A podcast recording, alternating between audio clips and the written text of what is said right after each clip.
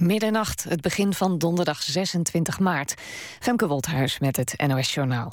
In de Franse Alpen zijn de eerste slachtoffers van de ramp... met het toestel van German Wings geborgen. Om hoeveel lichaam het gaat is niet duidelijk. Omdat het gebied over de grond nauwelijks bereikbaar is... gebeurt alles per helikopter. Het bergingswerk is inmiddels gestaakt. Morgen als het licht wordt, dan gaat het werk verder. Identificatie van de slachtoffers zal waarschijnlijk veel tijd in beslag nemen. De Airbus boorde zich met volle snelheid in de bergen... en daardoor is er van het toestel weinig over... en zijn de slachtoffers ernstig verminkt. De Amerikaanse ambassade in Oeganda waarschuwt dat er mogelijk binnenkort een aanslag wordt gepleegd in de Oegandese hoofdstad Kampala. Volgens de Amerikanen zijn westerlingen het doelwit. De Verenigde Staten hebben uit voorzorg een paar evenementen in Oeganda afgelast en ook zullen er zwaardere veiligheidsmaatregelen zijn bij hotels en andere plaatsen waar westerlingen samenkomen. In Irak hebben straaljagers bombardementen uitgevoerd op de stad Tikrit. Dat meldt correspondent Lex Runderkamp, die is in de regio. Mogelijk zijn het vliegtuigen van de internationale coalitie onder leiding van Amerika, die strijdt tegen de terreurgroep IS. Eerder vandaag zei de Iraakse president dat zijn land rekent op luchtsteun om IS uit het strategisch belangrijke Tikrit te verdrijven. Agenten hebben onvoldoende parate kennis van de wet en van hun bevoegdheden. Volgens de inspectie, die een steekproef onder agenten deed, leidt dat tot ergernissen, escalatie van conflicten en ook juridische problemen. En daarom moet er een systeem komen van verplichte bijscholing voor politiemensen. Minister van de Steur is het met de inspectie eens. Het weer. Vannacht zijn er opklaringen. Het koelt af tot rond het vriespunt. Morgen is er eerst wat zon. Later op de dag vanuit het westen opnieuw regen. Dan staat er een stevige zuidwestelijke wind en dan wordt het zo'n 8 graden. Vrijdag is het droog. In het weekend wisselvallig. Dit was het NOS Journaal. NPO Radio 1. VPRO. Nooit meer slapen.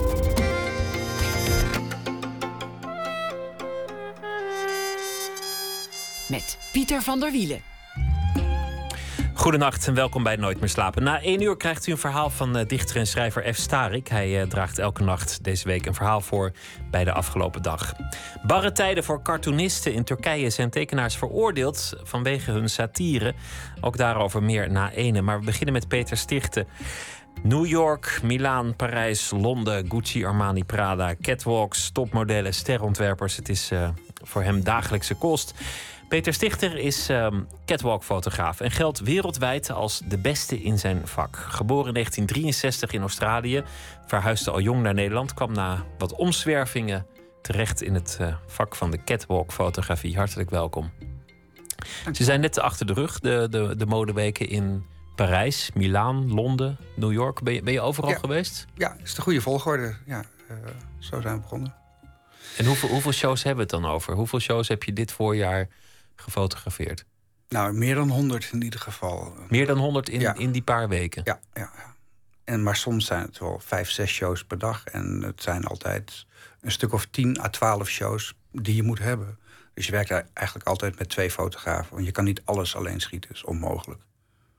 Dus dit zijn de, de meest hectische weken van het, uh, van het jaar? Ja.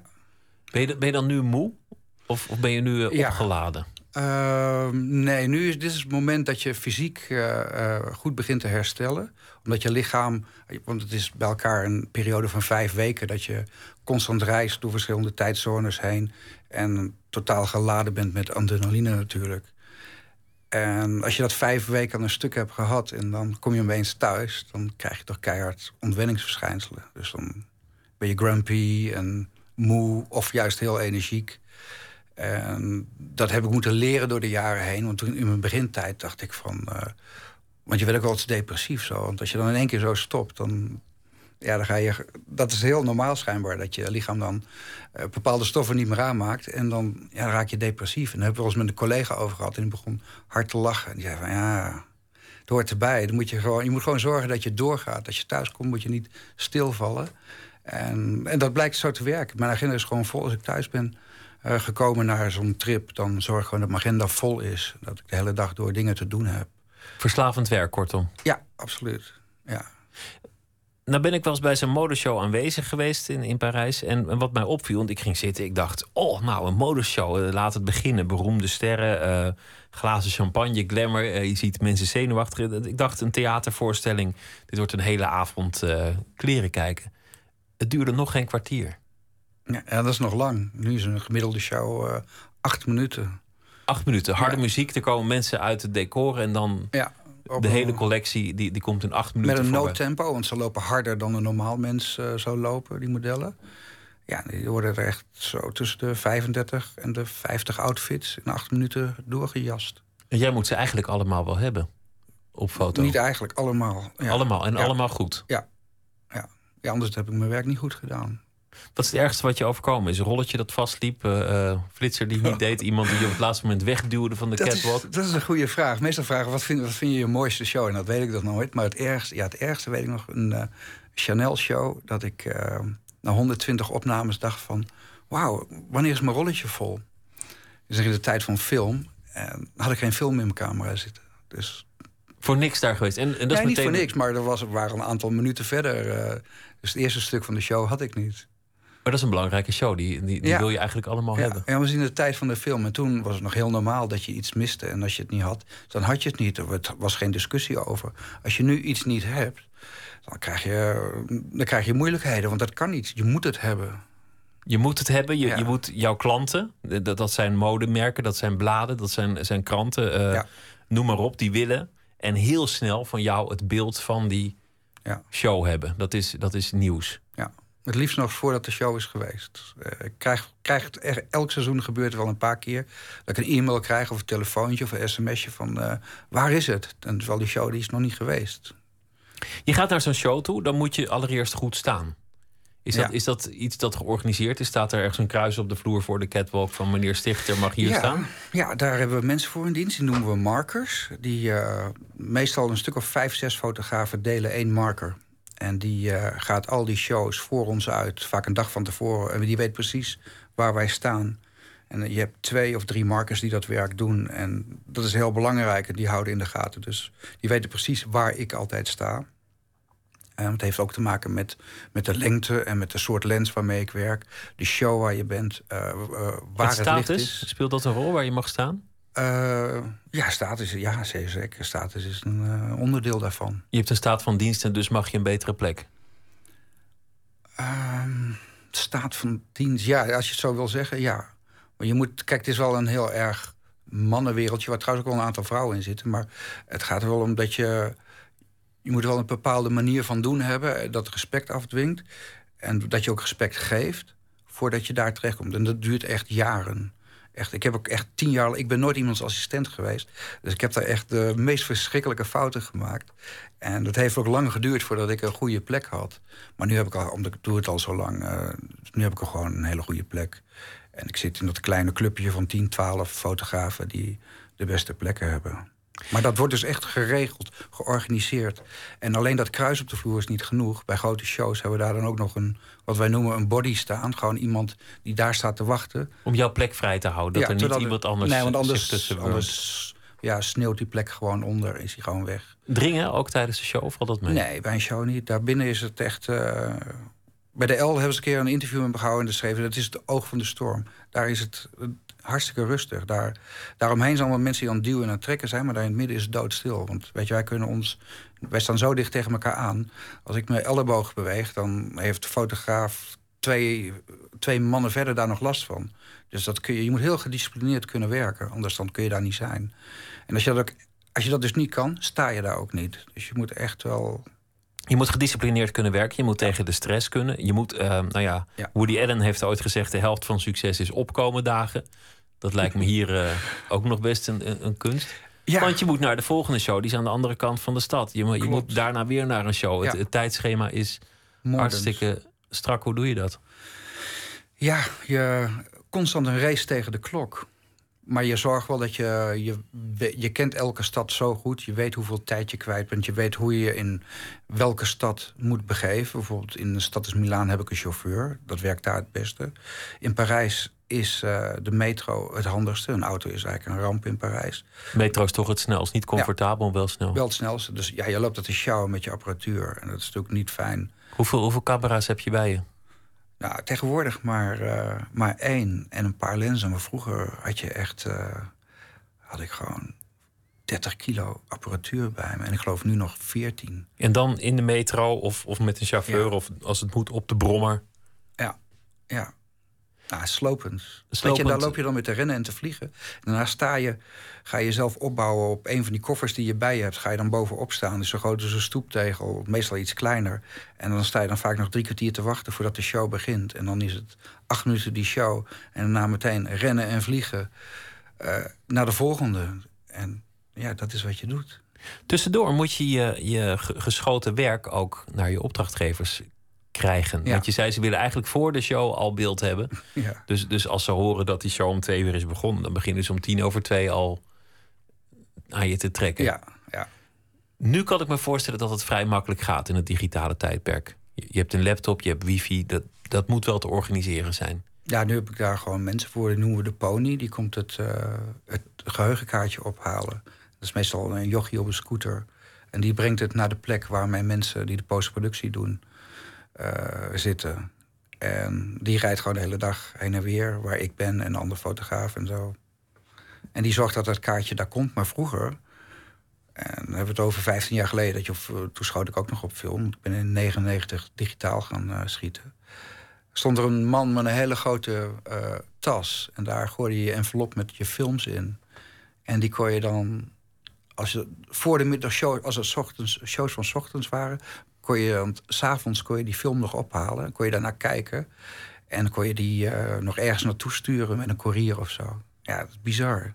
Veel trager, maar het lijkt me, lijkt me ergens ook wel heel, heel veel leuker. Omdat je, dat je kijkt, nou, nou ja, zo'n zo'n doka en je ziet dan langzaam dat beeld opdoemen. En dan weet je wat je gemaakt hebt. Ja, nu heb ik nooit, want dat, daar gaat Catwalk te snel voor. Uh, nooit mijn eigen film in die steden ontwikkeld. Dat is gewoon niet te doen. Dat is, uh, weet je, dan misschien ook allemaal op dia. En dat is, weet je, een zwart-wit. Dat kun je nog eens een keer in een hotelkamer doen. En dat uh, nieuwsfotografen die naar de shows werden gestuurd, die deden dat wel. Maar eigenlijk mensen die echt gespecialiseerd zijn in catwalk schieten op dia, want is kwaliteit het beste. En dat kun je zelf, dat kun je niet op een hotelkamertje ontwikkelen. Dus dat moet naar een lab. Je bent wereldwijd uh, erkend als de beste. Dat, dat, dat, zeg, dat zeg ik niet zozeer, want, want wat weet ik ervan? Maar dat zeggen anderen. Mensen uit het vak die zeggen eigenlijk vrij unaniem... Uh, Peter Stichter, dat is de catwalk-fotograaf op dit moment. Hoe kan dat? Hoe, hoe, wat maakt iemand nou bij uitstek goed in dit vak? Ja, ik, uh, ik sta ervan te kijken dat, dat ze dat zeggen. Nou ja, um, neem het van mij aan. Maar het, het, het, wat, is dat uiteindelijk toch de kwaliteit van de foto? Mm, nee, het is, het is, een package deal, denk ik. Kijk, in, in de eerste plaats, het is, uh, kijk, je moet een hele goede fotograaf zijn. Je moet een moment hebben, je moet uh, stressbestendig zijn. Wat ik misschien voor heb. Um, en gewoon een hele goede fotograaf zijn. Maar dat zijn er meer natuurlijk. wat ik misschien voor heb op mijn collega's, is dat ik, dat mijn vrouw, is Jetty Verwerda, dus een modejournaliste die heeft mij wel het een en ander bijgebracht over mode. Ik weet ook wat ik fotografeer. Ik weet wat ik voor me heb. En ik kijk daar eigenlijk met een ander oog naar dan mijn collega's. Ik, ik heb me altijd verbaasd dat mijn collega's niks van mode willen weten. Die, of ze nou bij Dior of Chanel staan, maakt ze niet uit. Ze zien het verschil ook niet echt. Uh, hele goede fotografen doen geweldig hun werk, maar ze weten eigenlijk niks van, uh, van modehistorie. Ze weten niet waar, uh, wie Coco Chanel was. en en de hele geschiedenis daarvan. Terwijl als, dat weet ik wel. En ik denk dat je, dat je dan toch op een andere manier fotografeert. En ik maak ook wel naast gewoon de recht op een neer catwalk foto... die je echt moet hebben natuurlijk... maak ik ook een ander soort beelden. En ik denk dat mijn klanten dat ook fijn vinden. En Want je wilt natuurlijk weten, wat, wat is het nieuwe aan dit ontwerp? Wat, wat is er zo bijzonder aan deze jurk? Wat, wat maakt de, de lentemode dit jaar anders dan die, die van vorig jaar? Ja, nou daar zeg je iets, eh, Pieter. Want dat, dat vraag ik me tegenwoordig wel eens af. Wat, uh, of, wat is het verschil eigenlijk? Nou ja, er is altijd wel verschil. Maar eigenlijk de laatste tien jaar zie ik, echt, zie ik geen echt nieuwe trends. Of de laatste vijftien jaar zie ik niet, geen echt nieuwe trends meer. Ik zie alleen maar revivals van trends die al lang geweest zijn. En ik vraag me ook wel eens af of de relevantie van mode, de nieuwheid van mode, of je die nog op een catwalk vindt. Het is ook een heel mechanisme, een hele organisatie, een hele industrie. Maar ik voel al een aantal jaren weinig relevantie in wat ik uh, nog weinig relevantie in wat ik nog doe. Ik voel eigenlijk nog het meest als ik eindexamenshows schiet. Dan heb ik het gevoel dat ik naar nieuwe dingen zit te kijken die, die nog moderelevantie hebben. Kijk, die grote modeshows, dat zijn gewoon brandingoperaties, marketingoperaties geworden van die modemerken. Er is maar één modehuis dat geld verdient aan zijn kleding en dat is Chanel. Alle andere modehuizen die verdienen hun geld met licenties van schoenen, tassen, uh, parfums, make-up. Dus die kleding, dat, weet je, daar gaat het niet eens om.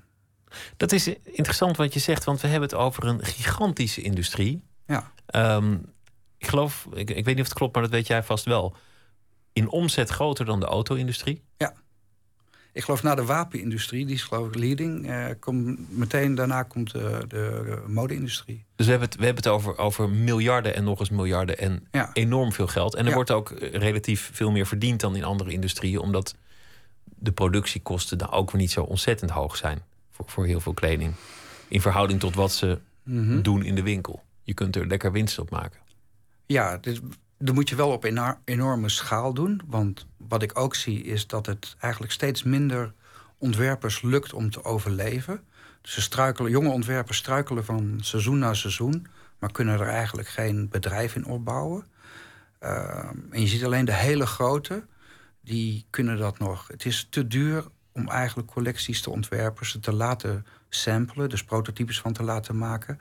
Um, die terug te laten komen, te, te, laten showen en vervolgens te laten zien aan inkopers. Die dan zeggen, ja, doe maar tien van die en twintig van die. Daar is eigenlijk geen genoeg geld meer mee te verdienen. Nou ja, bijvoorbeeld Victor en Rolf zijn ook gestopt met hun uh, pret-à-porter-lijn. Die doen nou alleen nog maar haute couture. En ik werk al meer dan twintig jaar voor. Dus ik heb dat van dichtbij meegemaakt. Ze zijn groot geworden met haute couture. Zijn in 2000 uh, uh, pret-à-porter gaan doen. En zijn daar nu uh, mee gestopt. Gewoon omdat het niet te doen is. Die shows zijn heel belangrijk. Want het, het gaat dus om het merk. Niet alleen voor het verkopen van de kleding, maar eigenlijk voor het uitstralen van het hele gevoel van een merk. Waarom iemand zich daarmee afficheert, thuis voelt, zegt: Nou, ik, dat past bij mij, daar wil ik geld aan uitgeven. Ja. Op de een of andere manier zijn die shows nog steeds binnen zo'n bedrijf de, de meest stressvolle weken. En daar wordt enorm naartoe geleefd. Ja. Waarom is dat zo belangrijk? Nou ja, het is belangrijk omdat, kijk, die dag van de, van de show voor een label, daar hebben een heel team mensen, honderden mensen misschien wel, een half jaar aan gewerkt. En die dag moet dat er allemaal uitkomen. En komen er nog eens een keer twintig andere beroepen bij kijken om te zorgen dat zo'n modeshow kan gebeuren. En dat is een enorm stressvol uh, geheel. En voor een ontwerper is het een enorm emotioneel moment om zo'n collectie te tonen waar hij een half jaar aan gewerkt heeft. In, het, in het diepste geheim, want, want zo Ja. is het vaak. En dan gaan die deuren Ja. letterlijk open. Ja, ja. Ik heb een kennis die werkt bij eh, een, gro- een groot modemerk in Parijs. En, en die zei: Als jij mij op mijn werk zou zien, zou je nooit meer een glas met me willen drinken. D- dat zegt denk ik wel iets over de, de sfeer en hoe het er naartoe gaat. Laat ik zeggen, het is erg resultaatgericht, wat ik ervan begrijp. Ja, de internationale modewereld, de, de, de toplevel van al die, die grote merken, dat is echt verschrikkelijk. Je ziet ook de mensen daar, die worden gewoon, they use them, abuse them and get rid of them. En er zijn er maar weinig die het redden. En dan gaat het vaak niet eens van hoe goed je bent in het ontwerpen, maar hoe goed kun je staande houden, hoe goed zijn je sociale skills. Dat is eigenlijk belangrijker. Hoe hou je je staande? Ehm, erg prestatiegericht. Dan die Ja. modeweek. Het gaat niet alleen om, om de kleding en, en, en, en wat de recensenten zullen vinden, maar ook wie heeft de mooiste locaties. Of het nou Milaan is of New York of, of Parijs. Ja. De plek is belangrijk. Ja, de plek is altijd belangrijk geweest voor een modeshow. Want als het, als het allemaal klopt, dan is de locatie met de muziek, eh, de kleding, eh, de modellen. eh, als het allemaal bij elkaar komt, is het een prachtige eh, eh, vorm van toegepaste kunst. Dat echt. Wie zijn de sterren op de eerste rij? Eh, De, de, de een zegt ik nou, heb. Ja, dat is erbij gekomen. Dat is natuurlijk eigenlijk een totaal irrelevant ding. Dat is er Maar er gaat veel tijd in zitten. Ongelooflijk. En het is een, is een hele industrie omheen gebouwd. Ook, ook weer om die, eerste, om die front row waar die mensen zitten. Je hebt fotografen die doen alleen maar dat. En je hebt bedrijven, PR-bureaus, die alleen maar front row seating regelen. Uh, die, zorgen dus, die, die, doen alleen celebrity seatings. En ja, die celebrities die worden gesponsord door bedrijven die, die bepaalde labels pushen... zodat ze die kleding dragen bij red carpet events. Dat is een soort mix van dingen wat rondgaat. De modewereld heeft die celebrities nodig om hun kleding te, uh, te tonen. En, en, uh, en, maar tot leven te wekken. Want alleen die kleding, dat doet het hem niet meer. Ze hebben een celebrity voor nodig die, die het tot leven wekt.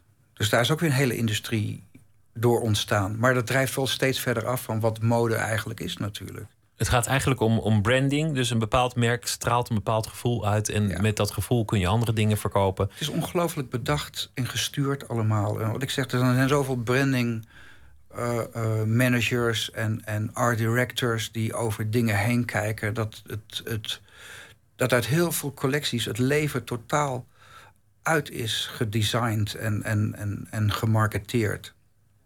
En dat het echte relevante mode ik zie het bijna niet meer op de catwalk. Ik, ik kan me niet meer heugen dat ik een show heb gezien... die me echt iets gedaan heeft als, uh, als, als modeliefhebber en modefotograaf. En dat is, ja, dat is best wel... Uh, um, en ik ben niet de enige. Liedewij Edekoord heeft net een poosje geleden een interview gegeven... waarbij ze de mode officieel dood heeft verklaard. En, en Lee is ook echt een vrouw die van mode houdt. Want ik heb haar jarenlang bij heel veel shows gezien. En ik heb zelf uh, in industrial design gestudeerd. Dus ik ken haar ook nog uit de tijd dat ze in, uh, in Eindhoven zat.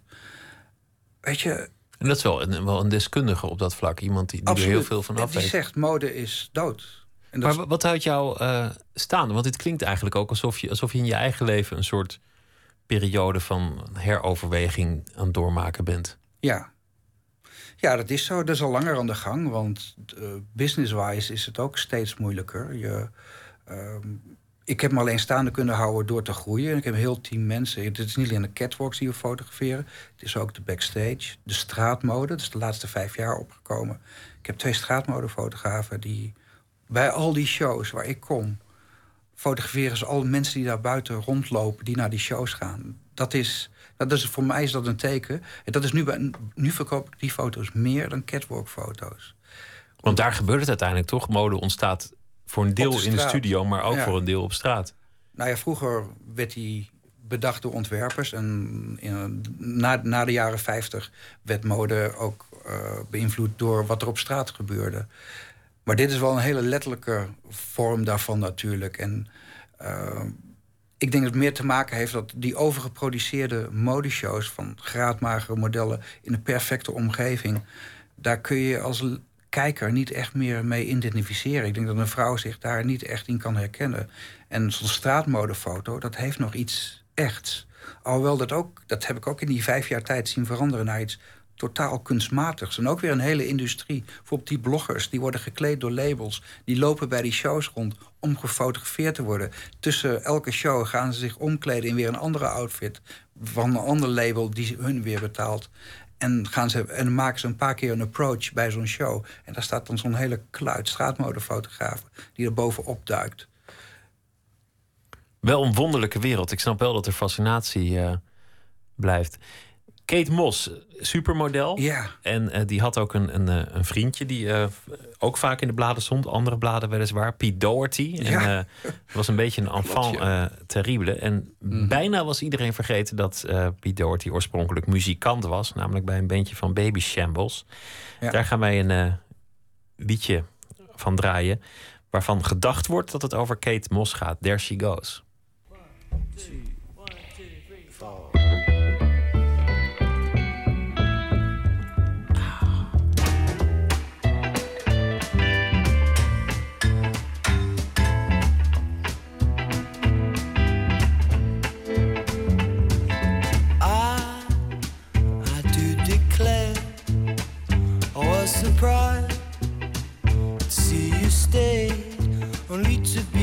Betrayed by the one you gave all your love and trust to.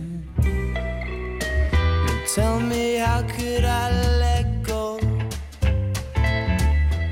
Since I caught a glimpse of your, your immense soul, you were dancing to northern soul Just one glance, oh well, you know. There she goes, a little heartache. There she goes, a little pain. Make no mistake, she sheds her skin like a snake on the dirty road to fame. Dirty road to fame, my lord. Now, oh, there she goes, a little heartache. There she goes,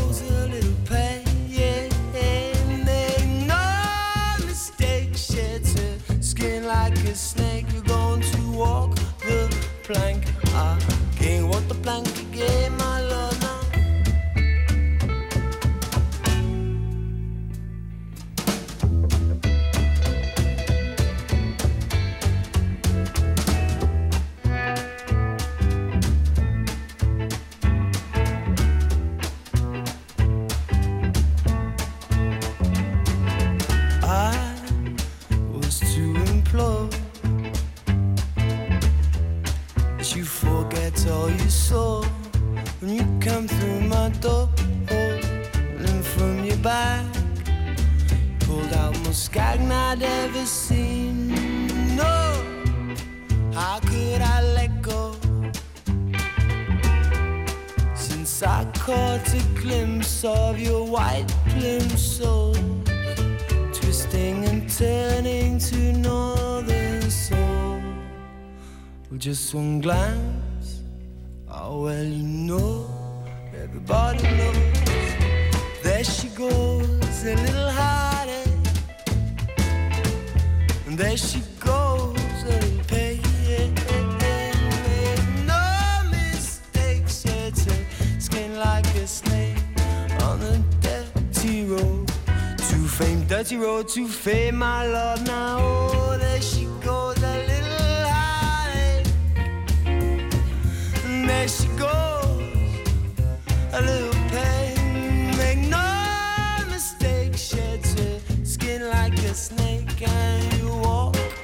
plank again, walk the plank again, my lord. Now, there she goes, a little, there she, there she.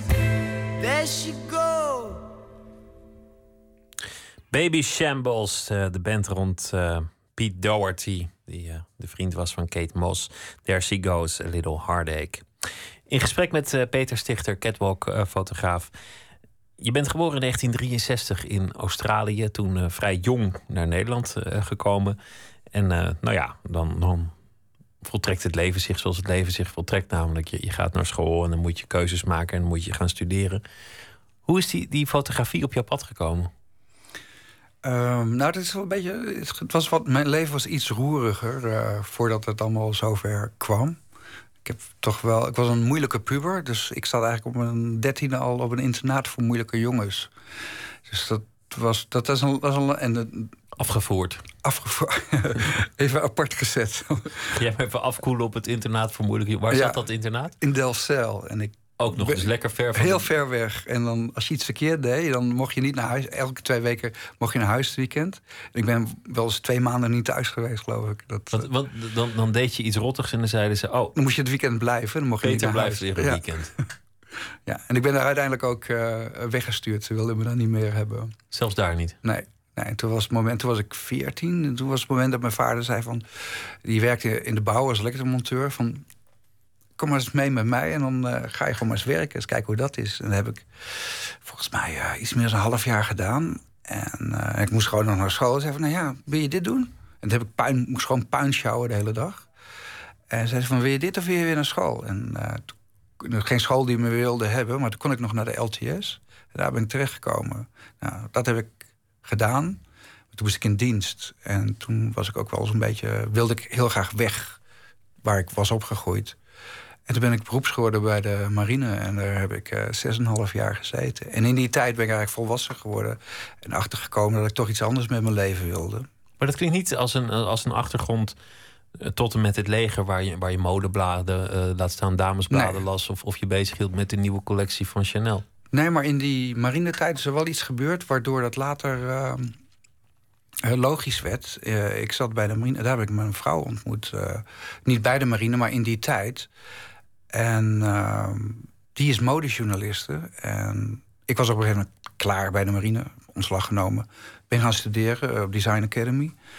En daar krijg je fotografie. En mijn vrouw bezocht toen al de shows in Parijs. Ze zei, je moet een keer naar Parijs komen, is hartstikke leuk. Kun je foto's maken bij die shows. En dat heb ik gedaan. En dat ben ik eigenlijk altijd blijven doen. Dat is, werd dat toch, ik werd erdoor gepakt. Het is toch een soort optreden, een show. Heel erg enerverend, heel erg een... een je moet het dan doen bij zo'n show. En als je het eh, niet hebt gedaan, dan is het er ook niet. En dan raakte ik aan verslaafd. En Dat, dat lijkt me ook een van de, de leuke dingen. Je moet op dat moment, in die acht seconden die je per model, per, per kledingstuk hebt, moet je die Ja. foto maken. De adrenaline die je al noemde. Ja. Dat lijkt me een van de leuke dingen. Ja, eraan. vaak is het kort hoor. acht- Vaak is het maar een window van, van twee seconden... waarin je echt de foto kan maken die je wilt hebben. Die je moet hebben. En daarna kun je nog een paar dingen doen... andere dingen doen met een model. Een ander soort foto maken. Maar dat heb je het wel gehad. Dan, En die foto die moet voldoen aan, aan alles andere standaarden voor, voor elke persfoto. Want Ja. persfotografen die, die laten zich voorstaan op de snelheid waaronder zij werken. Maar dat is, dat is meestal niet die duur van twee seconden die jij nou schetst. Dat gaat toch over, over langere tijd. ja. Maar, maar die standaard voor die foto ligt niet lager. Er is niemand die zegt van, oh nou ja, hè, een beetje bewogen, maar, maar die stichter had weinig tijd. Zo- Nee, zo nee, nee. nee zo- dat het allereerste. Het moet allemaal scherp zijn. En dat is vaak ook het grootste probleem. eh, om het scherp te krijgen. Dat is toch een, een onderwerp wat op je afloopt. Daar heeft een camera moeite mee om dat scherp te stellen. En vroeger deden we dat dus met de hand. Maar er waren de helft van al die foto's gewoon onscherp. En als je de helft scherp had, dan deed je het behoorlijk goed. Had je een goed gemiddelde. Dat is waar een prof in die tijd eh, mee dealde. En nu is het met de huidige autofocuscamera's... is eh 80, 90 procent in focus. De mode was niet het eerste wat je aantrok, meer, meer de energie eromheen, de, de, de, de spanning. Het, Ja, gewoon de, de. Ik keek er meer naar als. eh, eh, ik keek in het begin niet zo naar de mode, was het meer de gebeurtenis. En dat was ook al prachtig, want er gebeurt natuurlijk van alles bij een modeshow. En ik weet ook dat het eerste seizoen dat ik er was, dat ik gewoon eh, alles heb geschoten wat mij aantrok. En daar heb ik toen eh, de Panel Award voor studenten mee eh, gewonnen. En dat was gewoon eigenlijk, als ik nu op terugkijk, een redelijke random set foto's. Maar bij elkaar was het een mooie reportage. En waar, ja, waar je wel een inkijkje kreeg van hoe het bij modeshows. je hebt ook wel eens een expositie georganiseerd met, eh, of, of daar ben je voor gevraagd, met niet zozeer de catwalk-foto's, maar meer alles eromheen. De, Ja. de, nou ja, de voorbereidingen, de nabereidingen. Ah, Er zijn heel veel mooie dingen te zien bij, eh, bij modeshows. Eh, eh, vooral bijvoorbeeld, weet je, het is toch een soort optreden. En als het eerste model opkomt, is het licht vaak heel mooi. Dan komen ze op bijvoorbeeld in een silhouet. En dat is, dat is een ding dat is vaak helemaal goed bedacht. En dat zijn prachtige foto's. En ik, ik ben er altijd heel erg keen op om die te maken. En ik zie dan mijn collega's om me heen, die staan dan nog te praten... want die modellen lopen nog niet. Dus ze gaan ook nog niet fotograferen. En dan denk ik van ja, het mooiste, esthetische wat je kan maken... moet je nu maken. Hoe zie, jij, hoe zie jij de wereld van de modellen? Want daar is veel om, om te doen. Er is een, een wetsvoorstel in Frankrijk op dit moment eh, om, om een eh, minimale body mass index Mhm. vast te leggen in de wet. Dus, dus als je lichter bent dan een bepaald gewicht in verhouding tot je lichaamslengte, dan mag je de catwalk niet meer op. Dit om te voorkomen dat die modellen steeds magerder worden. Er zijn natuurlijk ook incidenten geweest, een, jaar of zes geleden geloof ik alweer in, in Spanje, dat, dat er een model overleed zelfs door te, te weinig eh, lichaamsgewicht. Dus, dus ehm, daar, is, daar is veel om te doen. Maar nog los van, van hoe mager ze zijn, de druk waaronder ze eh, werken, maar ook de enorme carrières die je kunt maken als, als model. Hoe zie jij hun werk? Want, want jij staat oog in oog uiteindelijk met dat model. Het, het is tussen jou en haar of hem op dat moment. Ja, en dat zijn de meisjes die ik fotografeer. Dat, is echt, dat zijn de top 50 meisjes van de hele wereld. Eh, dat is zeg maar een. De, de catwalk is ook een display voor die eh, modellen. om onder de aandacht te komen bij al die bladen. Dat ze worden gebruikt voor editorials in die bladen. En als ze daarin staan, dan worden ze daarna weer gebruikt voor commerciële shoots van die labels of voor, eh, voor eh, eh, beautymerken. En dat is een beetje het mechanisme. En daarom lopen die meisjes zoveel mogelijk shows. Echt, die, die, die lopen net zoveel shows als ik, als ik schiet. En, weet je, en ik hoef alleen maar naar die show te komen, maar hun moeten nog een dag van tevoren naar, uh, naar de showroom om de fitting te doen. Dus weet je, die moeten kei en keihard werken. Maar als je, het, uh, als je wordt opgepikt internationaal, is dat, staat dat garant voor uh, echt een hele goede carrière. Je moet mooi zijn, de kleren moeten je goed passen. Je mag niet uh, te dik zijn, want dat is de wens van die, van die merken. Waarom is dat eigenlijk? Dat, dat je zo. Of het de wens van de merken is, weet je, je kan niet daar zeggen van dat is iemand zijn schuld, van dat zijn de merken. Het is ook wat het, wat het gewoon nodig heeft. Een, een, als ik alleen kijk als fotograaf, wat gewoon het beste werkt op een foto, dat is gewoon een slank model. En als je kijkt naar. Want, hoe... want een foto maakt iemand toch wat dikker, net Ja. als televisie. Ja, absoluut. En kleding ziet er nou eenmaal mooier uit op een heel bony lichaam. Dat is, eh, en, dat is, en dat is niet iets wat ik alleen vind als fotograaf... of wat een modeontwerper vindt of wat een stylist vindt...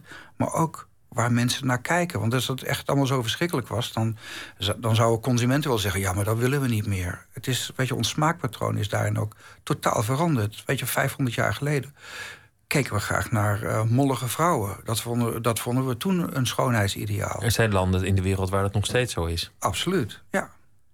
Maar wat moet je nog meer voor talenten hebben om echt zo'n topmodel te worden? Om bij die top 50 van de wereld te zijn? Uh, in de eerste plaats een, uh, een heel goed bureau hebben waar je zit. En een goede boeker hebben die je goed begeleidt.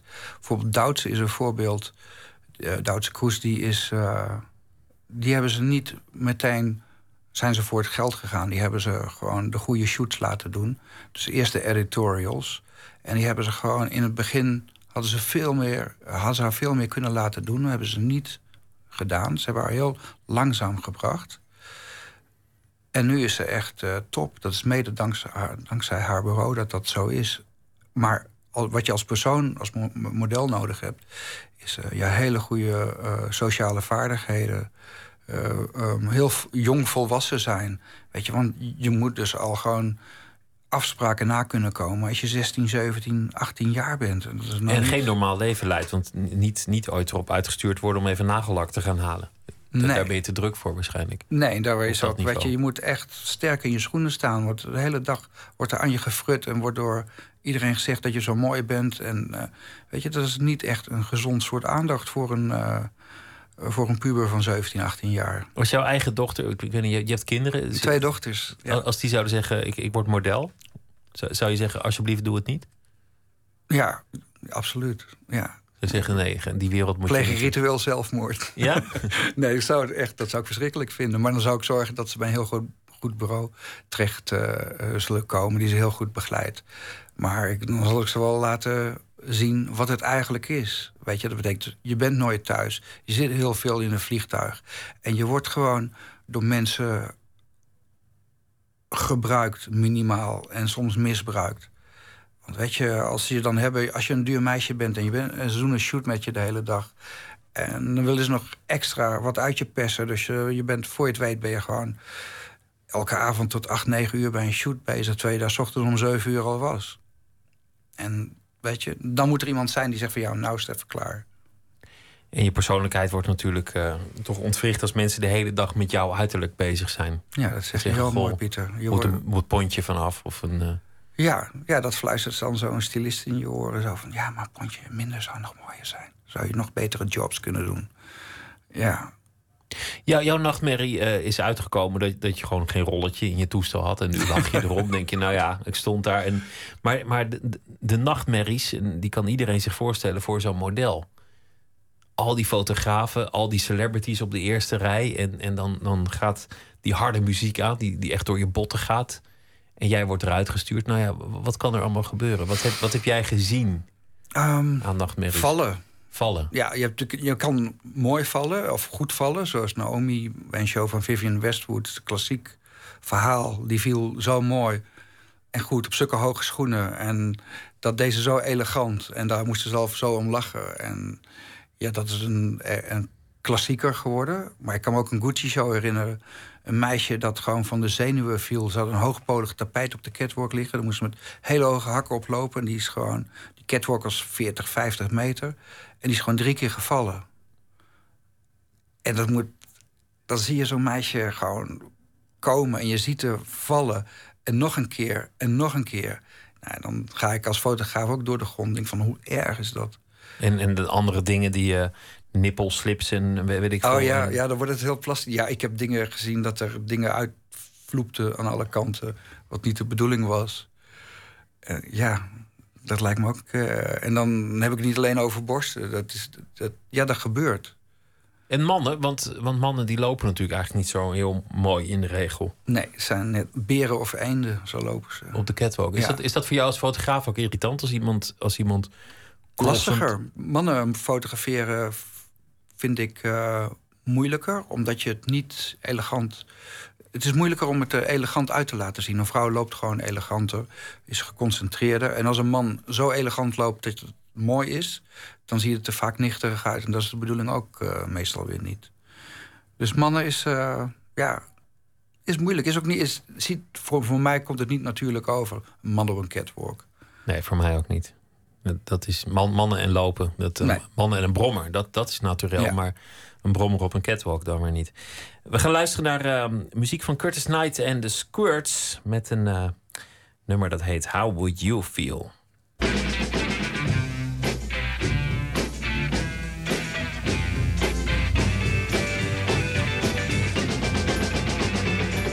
This is a song that asks a question. And if you listen, I think you'll get the message. If you walked into a restaurant, you were hungry, you had the money to get yourself something to eat. Yeah. Somebody told you to go around to the back door and get it, even though they wasn't to give it to you free.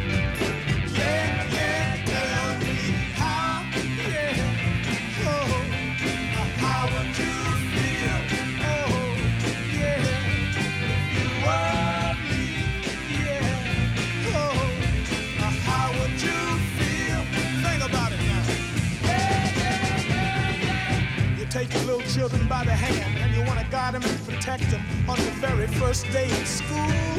Yeah. Now I just want to ask one question. Do you think that all the little children should be punished for the sins of all the older fools? Yeah,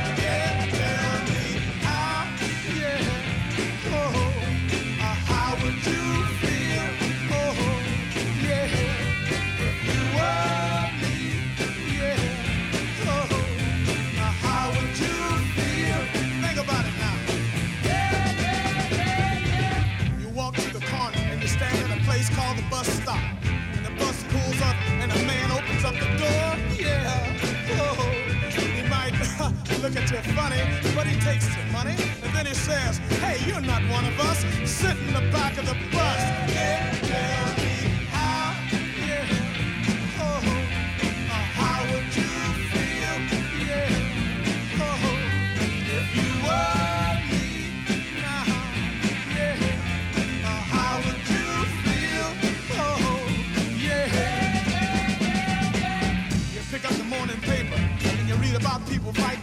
Somewhere in a foreign land. Oh, yeah.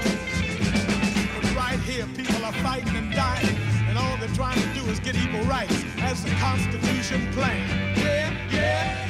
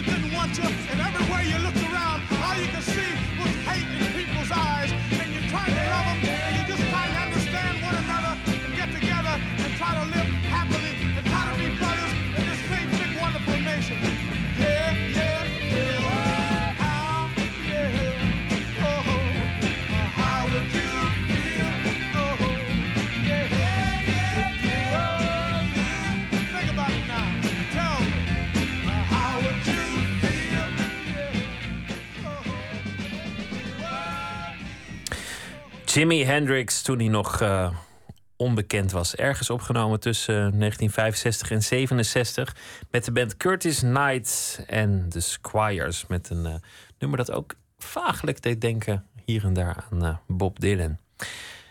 We hebben het over de catwalk-fotografie met Peter Stichter. Dat is, dat is jouw vak. Je, je zei het eigenlijk eigenlijk geloof ik de laatste jaren niet meer heel erg in wat ik doe. Ik kijk steeds vaker op die, op die catwalk en denk: wat heb ik eigenlijk gefotografeerd? Doet dit er nog toe? Is mode nog wel vernieuwend? Gebeurt het nog wel hier op de catwalk waar de kleding. Uh, die laatste vraag, dat is de vraag. Gebeurt het nog wel hier op die catwalk? Dat vraag ik me steeds meer af. Kijk, want mode, echte mode is natuurlijk vernieuwend. En echte mode is voor mij hoe wij ons als mensen uitdrukken elke keer weer. Je identiteit, want daar gaat het uiteindelijk om. Ja, dat zal nooit veranderen. Maar eh, kijk, en dat is. Mijn hele carrière is dat eigenlijk heel erg belichaamd door, uh, door al die grote labels. Uh, maar ik vind dat we aan een eind zijn gekomen. Dat daar de echte mode niet meer te zien is. Waar die dan wel is, op straat, een beetje, denk ik. Uh, ja, bij eindexamencollecties van modeacademies, ook een beetje. Maar ik kan me zo voorstellen dat, we, dat dit systeem een beetje failliet is. En dat we... om, om heel veel redenen. Want er, er is kritiek. We hadden het al over de, de, de magere modellen. Ja. En, en het schoonheidsideaal. Want laten we dat niet vergeten. Dat daarmee aan heel veel andere mensen tentoon wordt gespreid. Die, die als je niet heel sterk in je schoenen staan. Daar misschien uh, nou, ook een beetje voor zwichten. En denken van goh, ben ik dik. Maar ook het fabriceren van kleding. Ook bij dure merken in... Uh, omstandigheden die niet zo chic zijn, om Mhm. het zacht te zeggen. Ja. Uh, de milieuverkwisting in de textielindustrie. Het aanzetten tot steeds weer kopen van nieuwe spullen. Terwijl dat misschien helemaal niet zo nodig is. Ik bedoel, textiel dat slijt minder snel dan de mode. Dus er er is op, om, uit allerlei hoeken kritiek op die, op die modewereld. Ja, nou, ik denk dat we daar. Uh, je geeft uh, de hoofdingrediënten aan. Waarbij meer mensen zich in het vak afvragen van waar zijn we mee bezig. Kijk, de mode als industrie moet nog beginnen met uh, vergroenen. We, de auto-industrie is eigenlijk verder. Weet je, er zijn wel een aantal schaamlappen die wat modemerken doen, maar echt groen produceren. Weet je, katoenindustrie is er gewoon de meest vervuilende industrie die je maar kan bedenken. Uh, dus weet je, het moet nog beginnen eigenlijk allemaal. Iedereen stelt zich nu die vragen. En we zitten in een tijd dat we eigenlijk niet meer weten hoe we, de, hoe we, hoe we dat vorm moeten gaan geven. Het enige wat we weten nu allemaal, wat we aanvoelen, is dat het zo niet langer kan. Maar laten we, laten we niet alleen somber zijn. Mode is natuurlijk ook, ook iets heel leuks. Ja. Het is natuurlijk ook uh, ja, ik ben gaaf somber. om te volgen. En, en, en het is ook een, een passie waar heel veel mensen hun, hun ziel en zaligheid in, in, stoppen. En mensen vinden het ook leuk om gewoon eens een, een leuk outfit aan te trekken. wat uitdrukt wie jij bent. Ja. Dus dat zal er altijd zijn, alleen dan misschien op een, op een andere manier. Of misschien een andere plek. Het zal. Uh, nou, ik, ik kan me niet voorstellen dat het niet de relevantie uh, zal hebben die het heeft gekregen de laatste 25, 30 jaar. Want vroeger, daarvoor was mode gewoon niet zo relevant in het maatschappelijk leven. Het was voor een heel klein groepje mensen. En voor de rest iedereen die. Sommige mensen hadden mode en de rest had een pak. Ja, dit, of een broek. Niet, ja. Kijk, maar onder invloed van al die tv-programma's over mode is een enorm besef natuurlijk over mode ontstaan. En iedereen is daarmee bezig en heeft daar een idee over. Uh, dat zal, zal, misschien hopelijk allemaal weer een beetje verdwijnen. En, maar de, de liefde om je uit te drukken met kleding, om je te, om te weten, om te laten zien wie je bent of te laten zien waarbij je wilt horen, dat zal altijd blijven. Maar hoe zie je je eigen rol? Want, want als je zo hard werkt en, en met zoveel energie en passie daaraan gewerkt hebt en je zegt na 15 jaar, wat heb ik eigenlijk de afgelopen 15 jaar gedaan? Ja. Nou, ik weet wat ik die afgelopen uh, je weet waar je was, 25 jaar heb gedaan. En dat is, daar heb ik relevantie in gevoeld altijd. En die voel ik nu niet meer zo. Want ik denk van ja, daar, de, wat ik nu fotografeer is niet meer echt mode. Is, dat, is een, dat is een totaal bedachte brandingoperatie. Maar, maar wil het ook zeggen dat je nadenkt over je eigen carrière? Dat je denkt, goh, ga ik dit nog tien jaar doen? Ja, absoluut. En heb je al een, een, een idee waar dat naartoe gaat?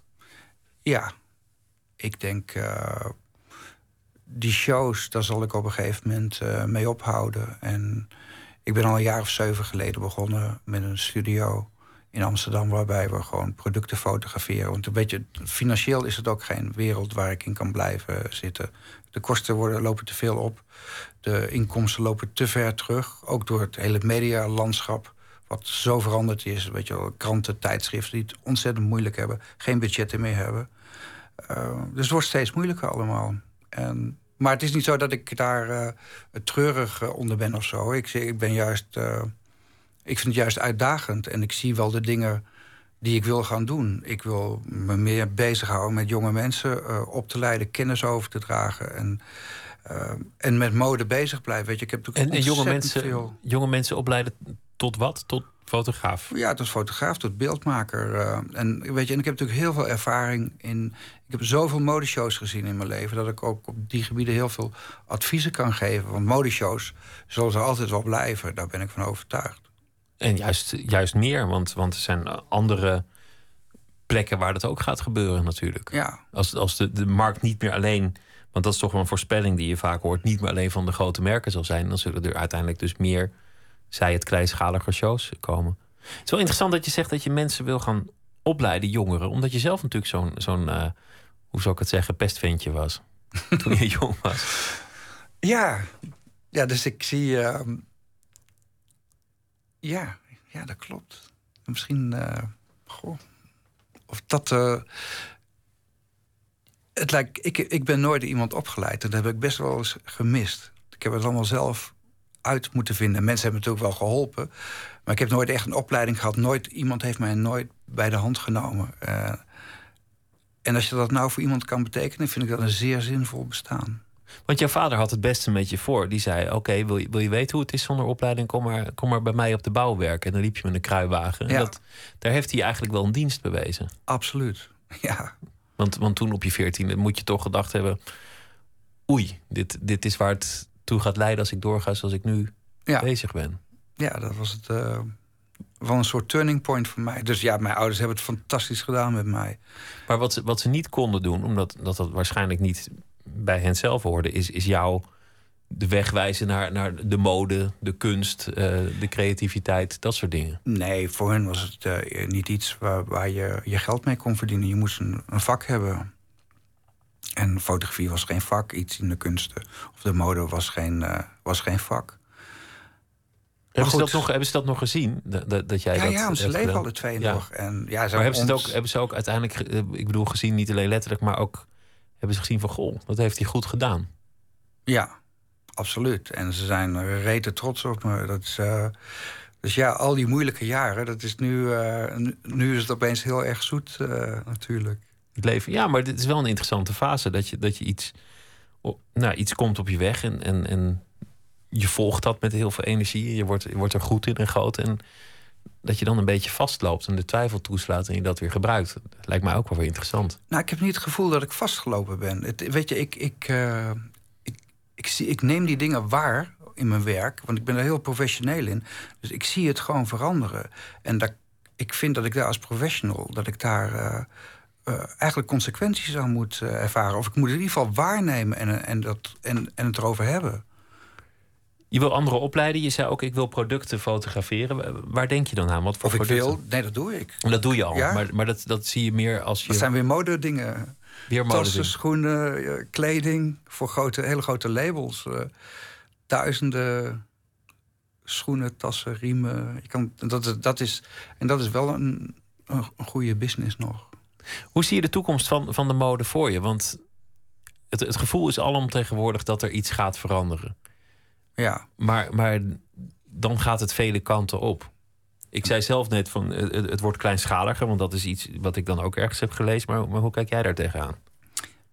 In de eerste plaats, mode hebben we altijd beschouwd als iets waar antwoorden in te vinden zijn. Dat is, dus daar kun je natuurlijk over van mening verschillen. Ehm, mode is een reflectie van hoe we ons voelen en hoe we ons uit willen drukken. En daar kun je dan misschien een antwoord uithalen. Je moet er ook niet te veel waarde aan toe kennen, denk ik. Mode zal altijd mode blijven. En, en aan de ene kant wordt het steeds mondialer. We gaan er allemaal steeds meer hetzelfde uitzien. Ik weet dat ik in al die jaren dat ik reis nou op vliegvelden zat te wachten. Dat voor mij was een sport om te zitten en te kijken naar mensen. Zeggen oh, dat is een Fransman en dat is een Engelsman en uh, dat is een Duitser. Dat wordt nu steeds moeilijker. Mensen zien er steeds meer hetzelfde uit. Maar mode zal altijd blijven bestaan. Sterker nog, de, de, wat in de mode is begonnen, dat, dat rukt ook op naar heel veel andere dingen. Namelijk branding, een bepaald gevoel aan een bepaald merk verdienen. Een, een koptelefoon. Ja. Wat ik nu op heb, beroepshalve. Vroeger ging dat om wat is de beste koptelefoon, welke heeft het mooiste geluid. Nu hebben ze kleurtjes, merkjes, logo's, sterren die verbinden hun naam aan de koptelefoon. Ja. De, koptelefoon is een modeobject. Dat is maar een voorbeeld. Het gaat eigenlijk om allerlei gebruiksartikelen die in, in diezelfde machinerie terecht aan het komen zijn. Ja, dat zeg je heel goed. En dat is uh, um, aan de ene kant vanuit branding-oogpunt zeer interessant. Dus je ziet, er wordt zeer goed over nagedacht, wordt zeer afgewogen. Uh, op een heel hoog niveau wordt er met vormgeving omgegaan. Dat is zeer interessant.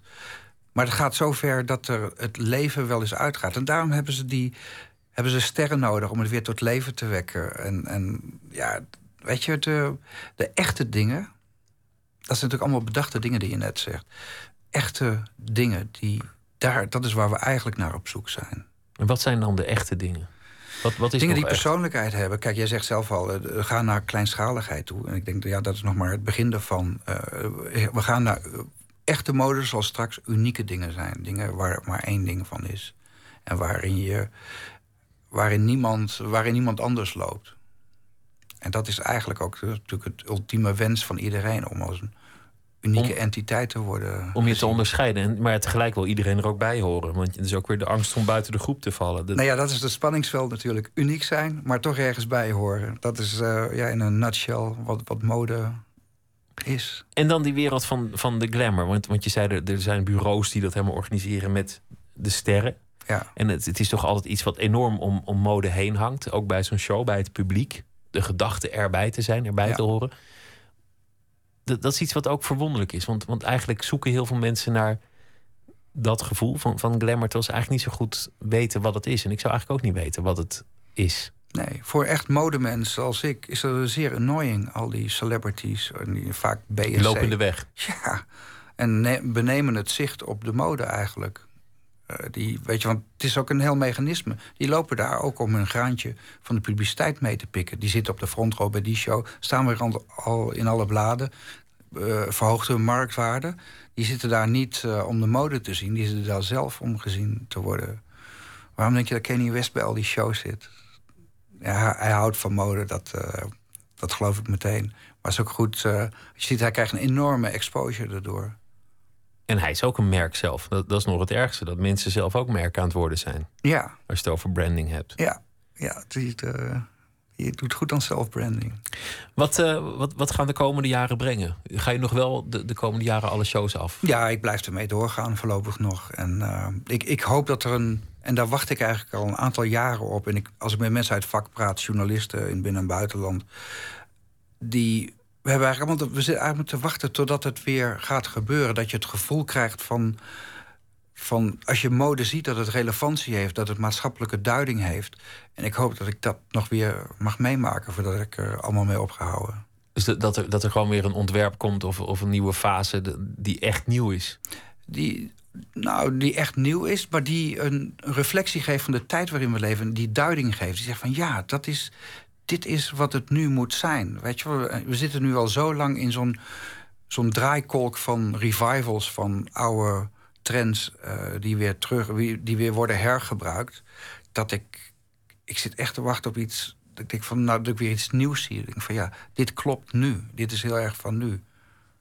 Dat is iets wat ik veel mensen hoor zeggen die lang iets, iets volgen. Ook, ook muziekjournalisten en uh, filmjournalisten. Dat, is ook, dat hoort ook bij het lang ja, is dat zo? doen. Ja, dan, dan denk je van ja, ik heb veel dingen al gezien. En, en wanneer gebeurt het? En die, die spanning. Dankjewel dat je te gast wilde zijn. En uh, heel veel succes uh, met, met al het werk de komende tijd. En uh, met de, nou ja, de najaarscollectie. Dat zal de volgende grote ja. reeks zijn. Wanneer is dat? In, in Augustus, Eh, nou, ja, maar eerst gaan we nog, eh, dan nog een, eh, een weekje Amsterdam Fashion Week doen. Oh ja, die komt er ook nog aan. Ah. Peter Stichter, dankjewel. En een goede nacht nog. Twitter, het VPRO NMS en de mail nooit VPRO.nl. Zometeen een verhaal van F. Starik, die de afgelopen dag op papier heeft gezet. En dat zal hij straks na één voordragen. Gaan we het ook hebben over cartoonisten in Turkije.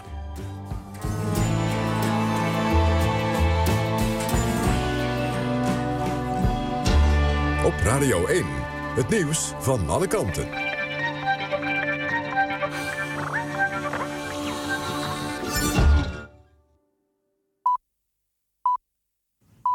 1 uur, Femke Wolthuis met het NOS-journaal.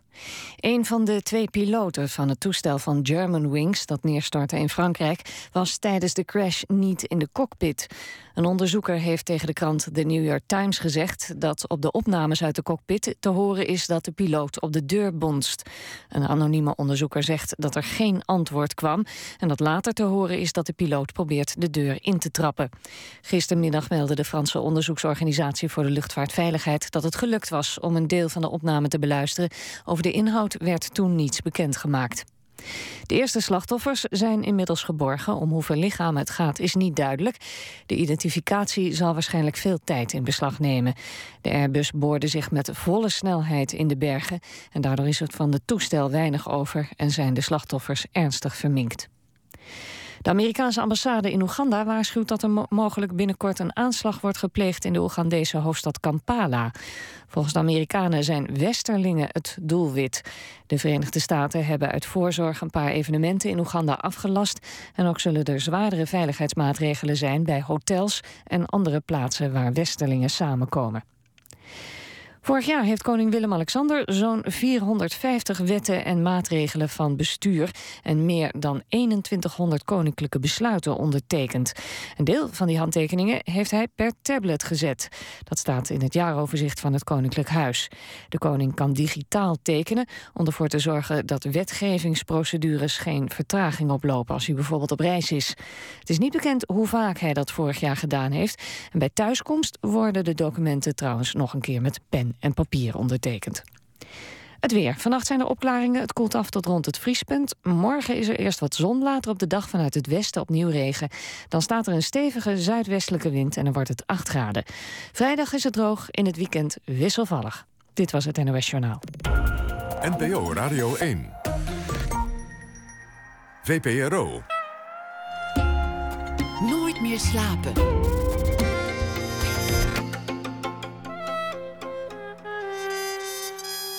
Met Pieter van der Wielen. U luistert naar Nooit meer slapen. F. Starik is eh, schrijver en dichter en zal deze week elke dag een eh, verhaal voor ons schrijven en dat eh, voordragen even na één uur. Dat is nu. Hij heeft vele dichtbundels geschreven en ook een eh, boek Moeder doen. Met eh, daarin de belevenissen over eh, zijn dementerende moeder. Goedenacht, eh F. Starik. Goedenacht. Weer een dag voorbij. Wat gaat het snel? Weer een dag voorbij. Ze vliegen om, heb ik de indruk. Jij ook? De dagen vliegen om deze dagen. Ik ben vanmiddag eh, even gezellig door de stad gaan lopen. Omdat die beroemde tabakspanden werden ontruimd. Ja, dat was een... Ik eh, was wel- eh, van plan om naar een film te gaan om de film Still Alice te bekijken. En dat heb ik ook inderdaad gedaan, want zo ontzettend eh, interessant was die ontruiming niet. was niet, niet nostalgisch als van wel eer met eh ME'ers in containers en rookbommen en... en eh, Het was zeer nostalgisch. Laat me het verhaal voordragen. Oké, ga je gang. Vandaag werden de zogenaamde tabakspanden in Amsterdam ontruimd. De Spuistraat.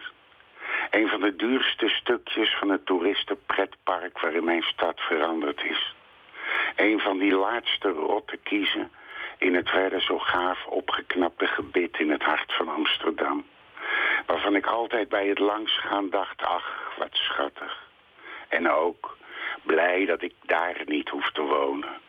Een lange rij verwaarloosde, smerige panden.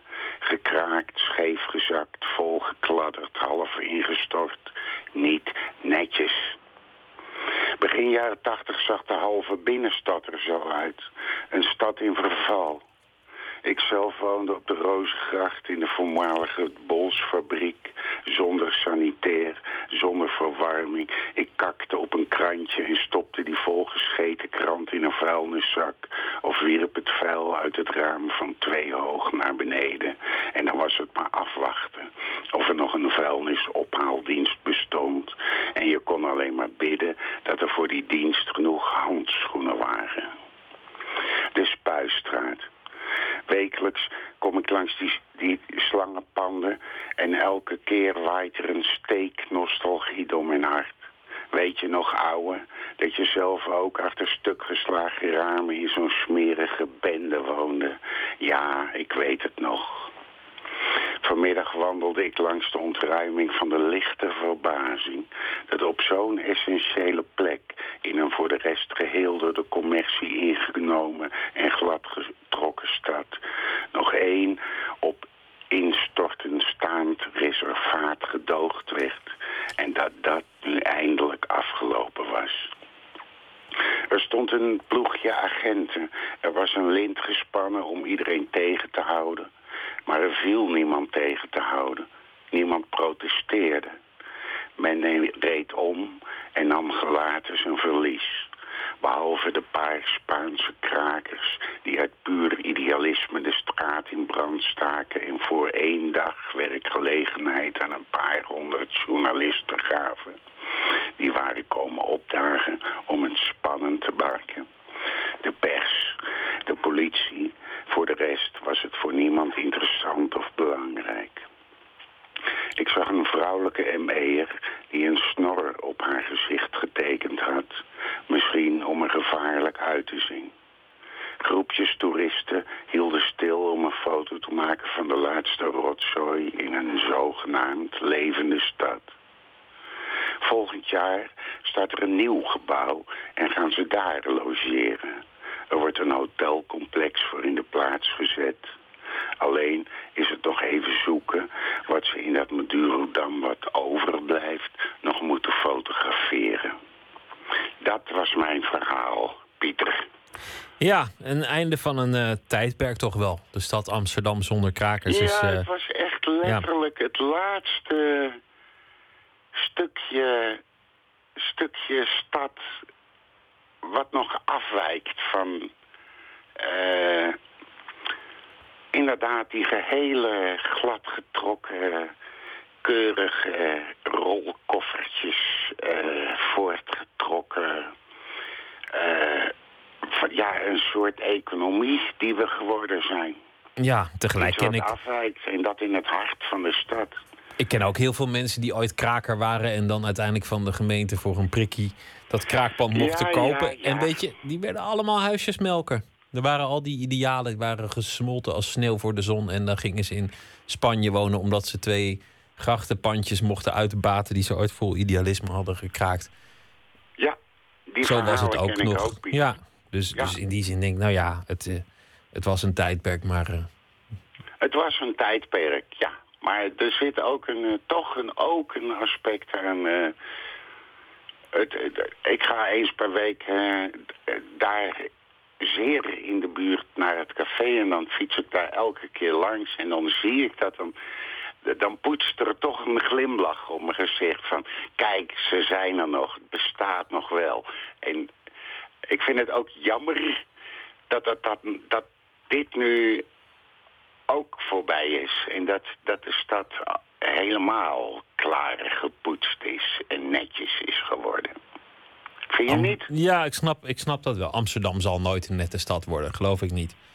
Dat, dat ja, is een, maar dat, dat is een illusie. afwijkt in de periferie moet verdwijnen. Dat is toch een soort van zonde. En ook het ding van, eh, ik zag het aan de, aan de toeristen die er rondlopen. Wat moeten die nog fotograferen? Als er alleen maar toeristenwinkels zijn. De bierfiets moet ook, wellicht. een stad moet ook iets spannends hebben. En dit was, was een laatste spannend plekje eigenlijk. Of je moet echt heel ver eh, de havens west in rijden... en daar allemaal verdrietige Spaanse krakers in caravans zien wonen. Dat Nou kan ook, maar... En, en tegelijk is, eh, bouwt een stad altijd zijn imago op de de periferie van wel eer. hè? Het Montmartre Ja. ergens, eh, of, of, of de Ja. wijk waar de kunstenaars zaten. Dat, dat, dat is een cyclus die eeuwig doorgaat. Ja, Dankjewel, F. Starik. precies, meneer. Ja, goeienacht. Morgen weer. morgen. Tot morgen. Dag. Dankjewel. Volgende week verschijnt een nieuw album van de Amerikaanse band Death Cab for Cutie. Kintsugi is daarvan eh, de titel. En het nummer dat we draaien heet Little Wanderer.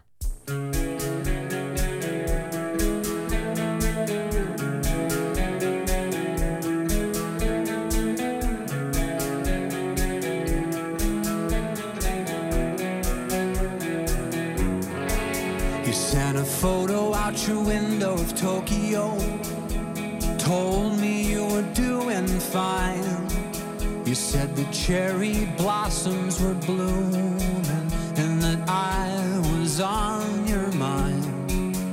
But I couldn't make you out through the glitches. It's how it always seems to go. So we say our goodbyes over Messenger as the network overloads.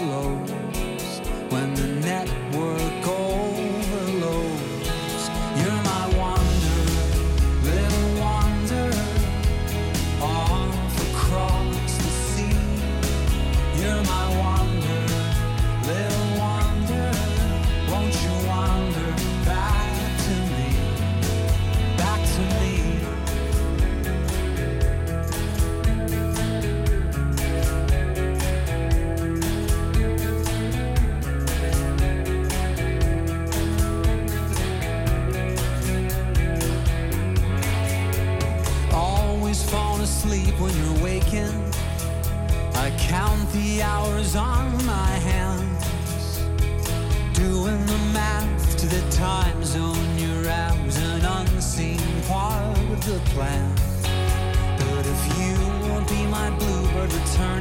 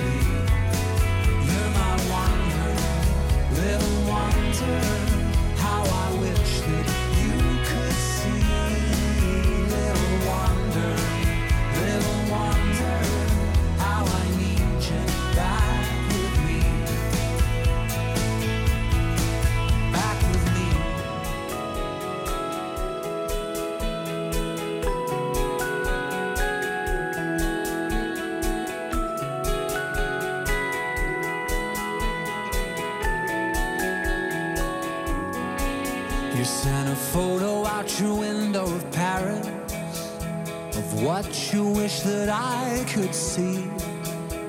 But someone's gotta be the lighthouse, and that someone's gotta be me.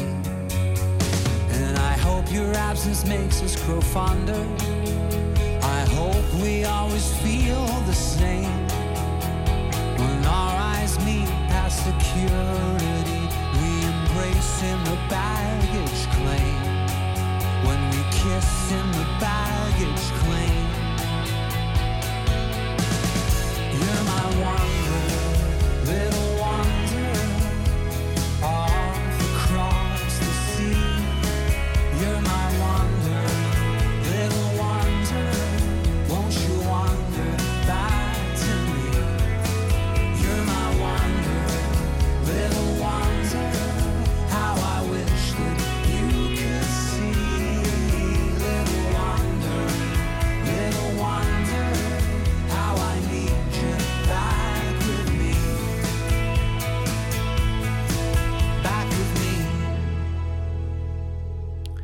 Death Cab for Cutie, Little Wanderer.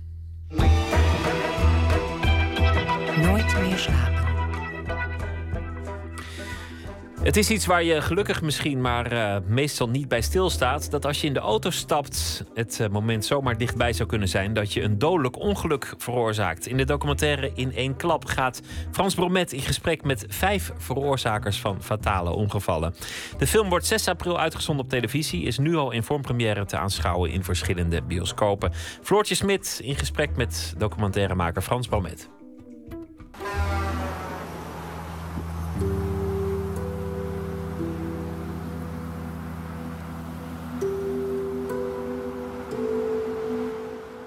Ik reed uh, op de A4 um, richting Amsterdam. Wilde nog iemand terugbellen. Dan heb ik zo'n zo'n carkitje waar je telefoon in staat. Dus ik, zit op die telefoon te klooien om, om iemand terug te bellen. Uh, ik kijk op en opeens zie ik dat het verkeer wat net nog gewoon doorreed uh, stilstaat. Ik kon niet hard genoeg remmen, dus ik ben heel hard op die auto geknald. En uh, in die auto zat een, uh, een, vrouw met haar dochtertje naast haar. En haar uh, hele jonge zoontje op, op de achterbank. Een nachtmerrie. Dat is het verhaal van Koen voor een ieder die wel eens in een auto rijdt. Want iedereen is wel eens afgeleid. En dat kan fatale gevolgen hebben. Koen is een van de personages in de documentaire In één klap van Frans Bromet. Daarin volgt hij vijf mensen die iemand doodreden. Door onoplettendheid of gewoon domme pech. Ik heb zelf het idee dat heel veel mensen eh, met vrij grote nonchalance uh, aan het verkeer deelnemen. Zelfs ook in, in dit dorp hier, als ik uh, naar huis loop via de dorpstraat die heel smal is... Ja, moet ik toch uitkijken dat ik niet onder een auto kom, want er wordt hard gereden... He, dan moet ik toch even stoppen met, uh, met lopen... en even in de berm springen als er weer een auto langs komt scheuren. Uh, en dat gebeurt elke dag een paar keer. Nou ja, misschien kan ik ze dan even... Uh, sommige mensen een momentje bij stil laten staan... dat ze zich wat verantwoordelijker gedragen... als ze zich in het verkeer mengen. Vrijdagochtend stond er een artikel op de voorpagina van de krant... En daar staat dan een, uh, ja, zo'n grote foto van jouw auto op. Het eerste stuk is echt een roes daar, waar, je, waar je gewoon ja, alles vanzelf doet. En dan pas komt het besef van ja, en nu? En, te, en het is jouw schuld? Hè? Ja. ja, het is jouw ja. schuld. Ja. En denk dat ook dat je door? Ja, dat weet je meteen. Ja. Je kiest hierbij wel voor het uh, perspectief van, het, uh, van de dader, niet van het slachtoffer. Ja, het slachtoffer uh, is dood. Dus uh, dat perspectief is zo, is zo moeilijk. En, en het slachtoffer... Ja, slachtoffers krijgen toch altijd de meeste aandacht. en ja, je kan het wel een dader noemen... maar ik weet niet of dat een goede benaming is. het zijn, het is. Je bent meer betrokkenen bij een dodelijk ongeval... dan dat je nou dader bent. Ja, dader ben je als je als je heel doelbewust uh, achter het stuur kruipt en tegen een paar fietsers aanrijdt, dan ben je een dader. Maar je bent meestal alleen maar een betrokkene. het gebeurt van het ene op het andere moment, zo'n dodelijk ongeluk. En ja, ik vind niet dat je dan over een dader moet hebben. De eerste maand, tot anderhalf maand, was ik echt eigenlijk een soort ballon. Ik realiseerde me echt niet wat gebeurd was. En dan die maand, anderhalf maand ongeveer, begon eigenlijk de klachten. Mijn rug begon echt heel erg pijn te doen. En ik kreeg in de nacht heel erg dromen. Ik had dromen gewoon dat die meneer eigenlijk naar me toe komt met een zwaard. En uh, ja, hij wil me eigenlijk afmaken. Ja, je krijgt, je krijgt niet zo makkelijk uh, mensen voor de camera. Uh, we hebben vrij lang moeten zoeken. uiteindelijk is het wel gelukt. Daarom wilden ze meedoen, denk je? Dat heb ik ze niet allemaal gevraagd. Maar Koen bijvoorbeeld, die uh, vond dat het heel belangrijk was... om de mensen erop te attenderen. Want zijn, zijn dodelijk ongeluk werd veroorzaakt door het feit dat hij op zijn telefoontje keek. En hij wilde toch ja, het publiek vertellen dat, eh, dat ze dat niet moesten doen. Dat ze niet met een telefoontje moeten gaan spelen terwijl ze aan het rijden zijn. Want het is, in een zucht is het, eh, is het gebeurd. En eh, ja, dan zit je ermee eigenlijk voor de rest van je leven. Zelfs wie wel goed oplet, kan iemand doodrijden, laat Bromet zien. Een spookrijder, een zelfmoordenaar, een vrouw die zonder te kijken opeens door rood loopt, het zal je maar overkomen. Het maakt de psychische klachten niet minder. Dan ben je wel voor de wet ook niet schuldig. Maar je voelt je niet lekker. Niet per se schuldig, weet je wel, maar het voelt niet goed. Nee. Je hebt toch iemand aangereden die nog gestorven is ook. En ik zeg wel, eh, later kreeg ik wel de pest aan haar, want ze bleek niet verzekerd te zijn. Ze had niet uitgekeken. Ik kwam daardoor in de problemen. Ik werd heel erg onzeker op, weg, op de weg. Waardoor ik ook een poosje later ook weer een ongeluk kreeg. Want het- als je maar iets zag uit een ooghoek, dan stond je op de rem, weet je wel. Nou, dat is hartstikke gevaarlijk. Ja. Hoe bouw je zo'n interview op? Ik bedoel, ik kan me voorstellen dat je niet binnenkomt, koffie drinkt en dan vervolgens meteen gaat praten over dat ongeluk. Ja, dat doe ik wel, ja. En net zoals jij eh, binnenkomt en eh, je dingetje aanzet, zo kom ik ook binnen. Dan zet ik mijn, ding- mijn dingetje aan. Het zit zo hoog natuurlijk. En, en, en als, als mensen iets hebben wat zo hoog zit... dan willen ze daar uiteindelijk wel heel graag eh, over vertellen. Eh, eh, tegen John, dan, daar zie je het ook in beeld... eh, dan zeg ik, John, vertel. Nou, dan begint hij. Als dit wordt uitgezonden, dan ziet de familie van die vrouw het ook, hè?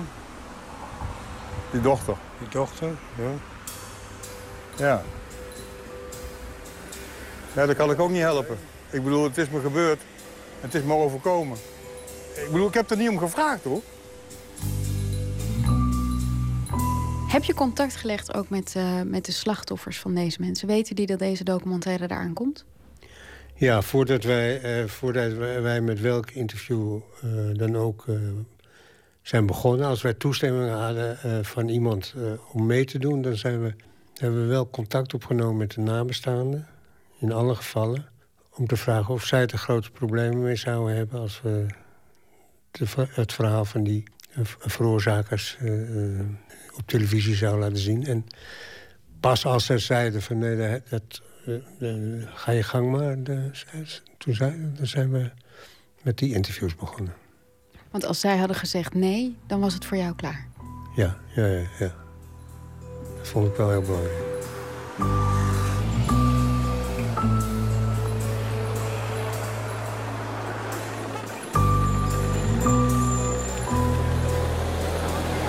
Je neemt veroorzakers mee naar de plekken waar het gebeurd is. Is dat niet vreed? Ja, dat is wel vreed, ja. ja. Tenminste, de meesten kwamen gewoon al nog dagelijks langs die plek. eh, want het, het, het, het, het, eh, ja, het gebeurt vaak eh, in de omgeving eh, van mensen. Ik vond dat ik dat dan wel kon maken.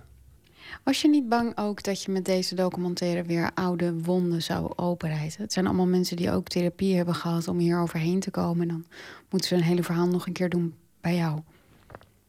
Ja, ik heb ze niet gedwongen eh, om mee te doen. Dus we hebben ze verzocht of ze mee wilden doen. En ze konden ja zeggen of nee. En als ze ja zeiden, dan vind ik eh, dat ik verder geen verantwoordelijkheid draag. Over, eh, over hun welzijn wat dat betreft.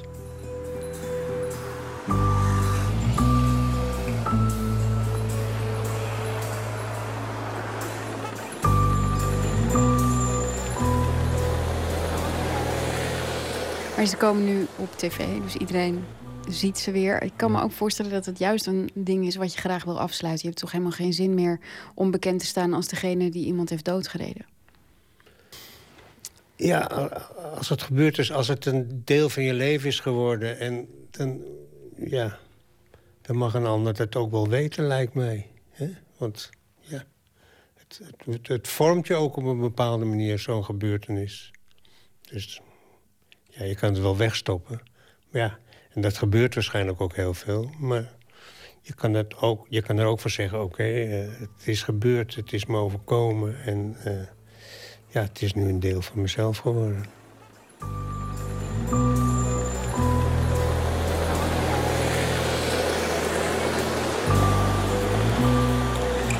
De documentaire van uh, Frans Bromet in één klap is op tv te zien op 6 april. En daarvoor dus uh, tijdens speciale voorpremières in bioscopen. Waar ook zo nu en dan een interview na afloop zal worden georganiseerd.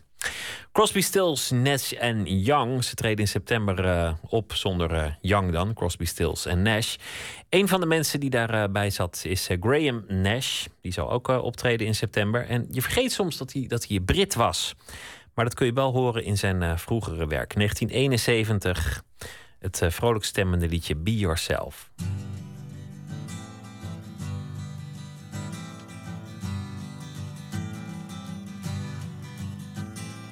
How does it feel when life doesn't seem real and you're floating about on your own? Your life is uncertain, so you draw the curtain pretending there's nobody home. But don't theorize, look in your eyes. They can't tell lies, though you disguise what you see. The mirror is free. We once had a savior, but by our behavior, the one that was worth it is gone. Songbirds are talking and the runners are walking. A prodigal son is coming home. Don't theorize, look in his eyes. They won't tell lies, but if he defies what you see, he'll give you the key. Be yourself. Be yourself. Be yourself. Be yourself. We needed a tutor, so built a computer, and we programmed ourselves not to see the truth and the lying, the dead and the dying, a silent majority. But don't theorize, look in their eyes, are they telling lies? The ones that they learn on TV. What a way to be free.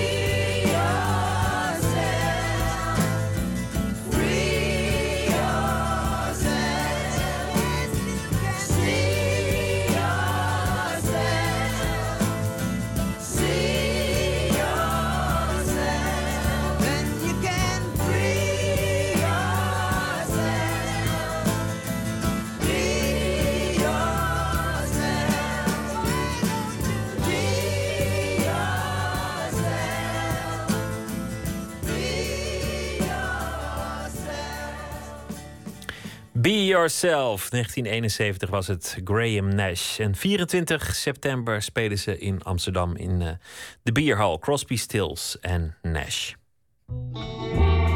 Nooit meer slapen.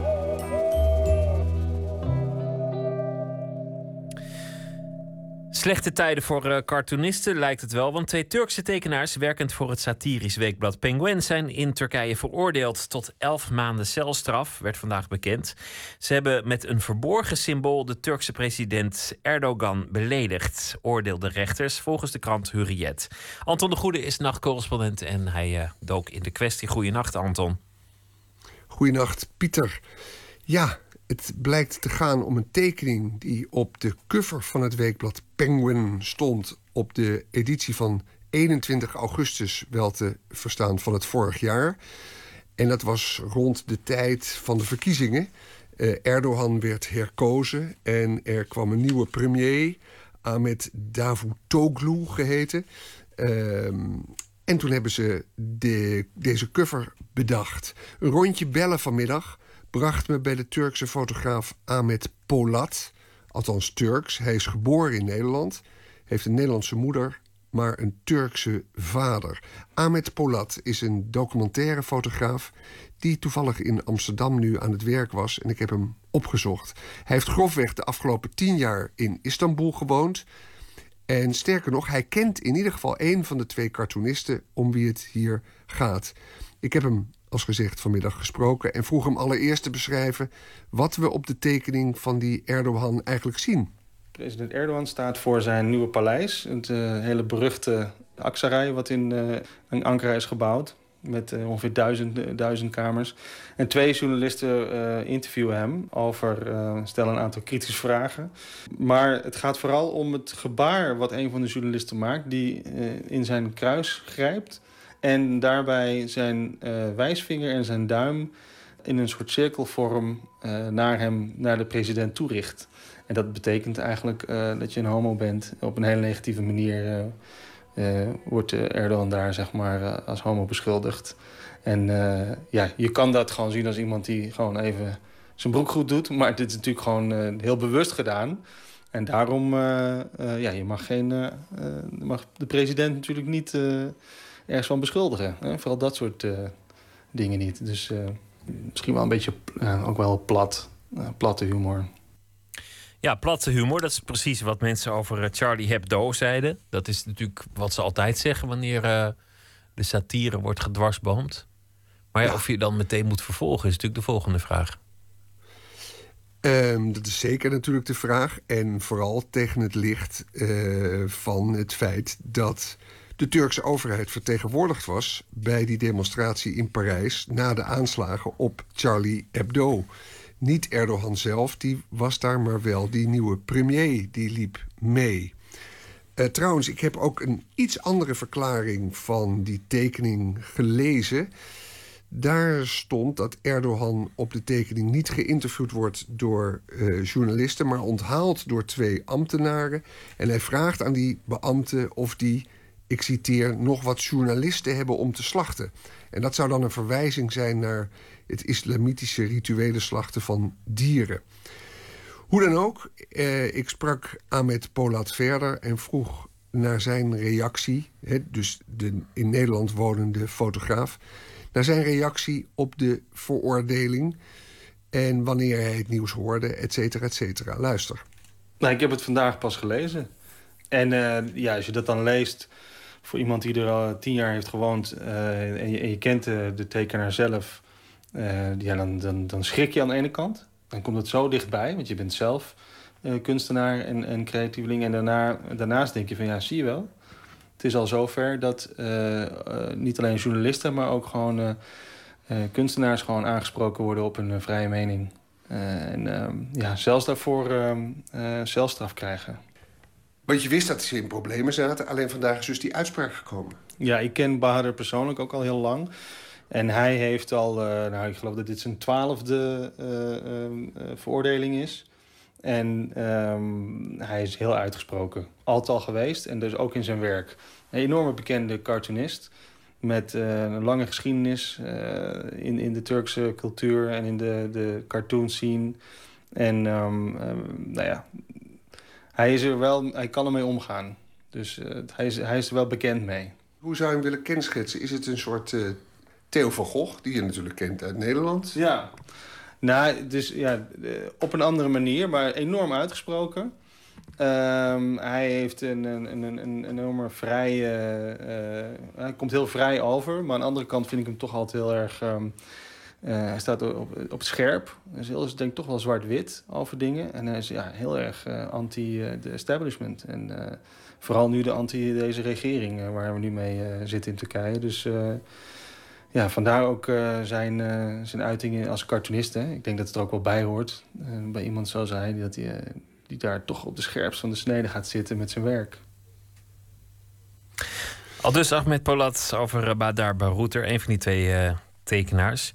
Ja, elf maanden de cel in. Um, is, dat, is dat een ja. feitelijke straf of is dat een, een waarschuwing? Zit er nog een achterdeur aan die uitspraak?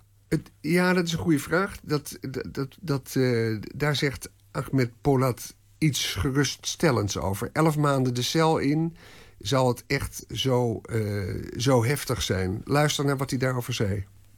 Volgens mij heeft hij uh, iedere keer uh, boete moeten betalen. Dus, en ik geloof, en ik heb vanochtend ook gesproken... in ieder geval met de galeriehouder. Dus zijn galeriehouder is ook mijn galeriehouder. En die vertelde ook van... volgens mij wordt die elf maanden straf omgezet naar een, een boete... van ongeveer 7000 Turkse lira. Dus het komt op 2500 euro ongeveer. Dat valt dan nog mee. Maar het gaat meer om het feit dat hij aangeklaagd is... en nu dus ook daarvoor berecht wordt en uh, schuldig is bevonden. En dat is natuurlijk gewoon vreselijk. Het principe telt, uh, al dus Ahmed Polat. Het principe telt. En nog even over deze Ahmed Polat, dus de fotograaf met de Turkse vader en de Nederlandse moeder. Als gezegd in Nederland grootgebracht, maar de afgelopen tien jaar gewoond in Turkije. Ik vroeg hem wat hem heeft doen besluiten om recent, recent toch weer terug naar Nederland te komen. Nou, de reden waarom ik uh, besloten heb om een jaar geleden verhuis, te verhuizen... is omdat ik aan zag komen dat uh, de vrijheden van uh, ons creatieve, vrije denkers... dat daar geen ruimte meer voor was. En dat daar gewoon steeds meer wettelijk ook die ruimte werd in, ingeperkt. En zo'n aanklacht, denk ik, is nog maar het begin. En het is al jarenlang in de journalistiek zo. Nu kunstenaars, ja, hoe gaat dat straks verder? Gewoon straks de, de normale persoon daar die ergens misschien een opmerking over maakt... en juist dat eh, bij iemand in het verkeerde oor uh, terechtkomt... waardoor hij dan opgepakt gaat worden. Volgens mij hebben wij in de geschiedenis dit vaker gezien. Al dus met Poelat. Ja, somber, uh, somber klinkt hij daarover. Ja, en, en hij niet alleen. Hij niet alleen, want het, ja, er zijn allemaal signalen dat het in Turkije toch minder, minder prettig eraan toe gaat. Ik vroeg hem tenslotte wat er naar zijn idee moet gebeuren om die trend te keren. Luister. Wat gewoon heel fijn is, dat we er wel naar kijken, dat we erop willen reageren, dat we erachter willen komen van hoe werkt dat dan. Ik denk dat het heel belangrijk is. Ik denk dat het belangrijk is dat uh, ook jongeren hier meer informatie, dus Nederlanders, maar ook uh, Nederlanders van Turks komaf, die daar toch meer aandacht aan geven en die meer kennis daarover krijgen. Dus dat is gewoon fantastisch dat dit interview plaatsvindt. Dat we hierover kunnen praten hier in Nederland en daar ruimte aan geven. Dus dat is denk ik het belangrijkste wat we kunnen doen.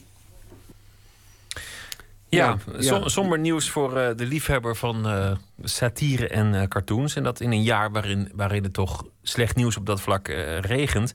Soms vraag ik me af, is het eigenlijk niet gewoon een, een, een dwaling geweest dat we dachten dat, dat het kon? Dat, het, dat, het, dat er een tijd zou komen dat spot, satire, humor vrij zou zijn. Want je ziet eigenlijk op, op heel veel plekken in de wereld dat het aan banden wordt gelegd momenteel. Ja, en dan realiseer je dat we in Nederland echt een traditie hebben waar we er zeer aan hechten. En dat misschien een land als Turkije eh, die traditie minder kent. Overigens, deze Ahmed Polat, die werkt, dat is dan misschien het laatste wat ik wil zeggen, aan een documentaire. Waarvan de werktitel is An Insider's View of Turkey.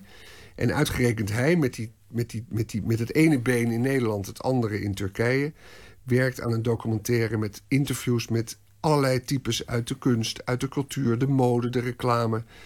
Ehm, met eigenlijk de opzet van hoe is Turkije er in 2015 aan toe. En dan vooral gezien door de blik van mensen die bezig zijn in de wereld van de cultuur. Dus een, uh, een naam om te onthouden. En die moeten we maar eens uitnodigen, lijkt me, als die film klaar is. Lijkt me een goed idee. Dankjewel, Anton de Goede. Goeienacht. Soulmuziek uit uh, Londen van Andrea Triana. Haar tweede album uh, verscheen gisteren, Giants. We gaan luisteren naar het nummer Gold.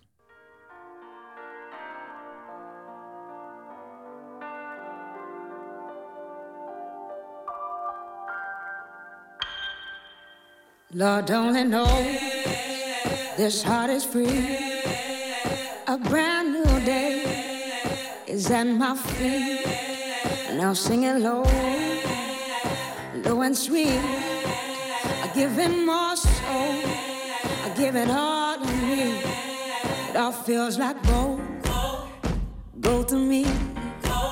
Might not be a diamond, but it shines for me.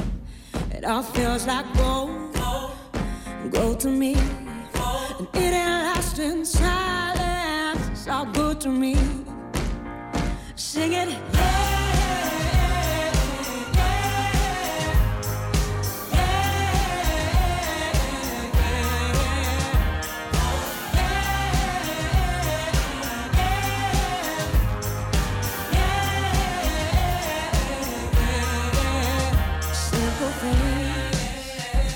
Light me up. What a beautiful world. And I see the love in everything, and everyone. When I'm digging so deep, all the time will come. It all feels like gold, gold to me. It might not be a diamond, but it shines for me. It all feels like gold, gold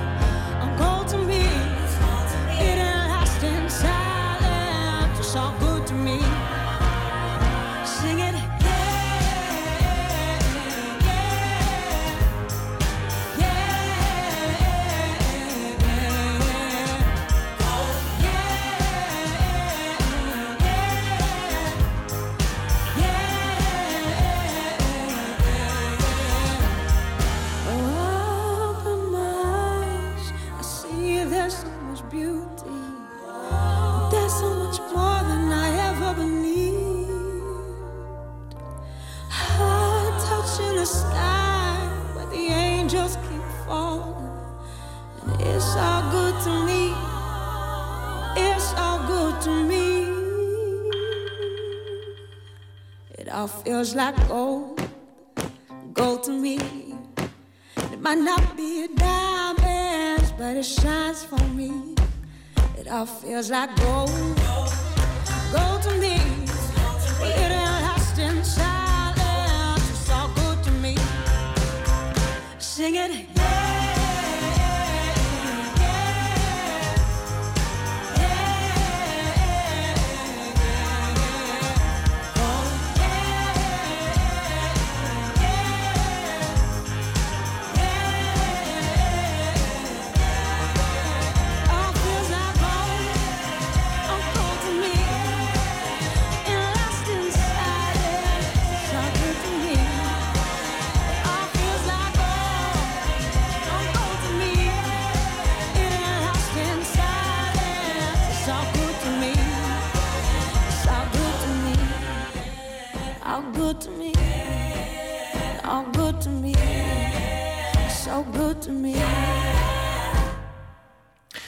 Van de Britse zangeres Andrea Triana.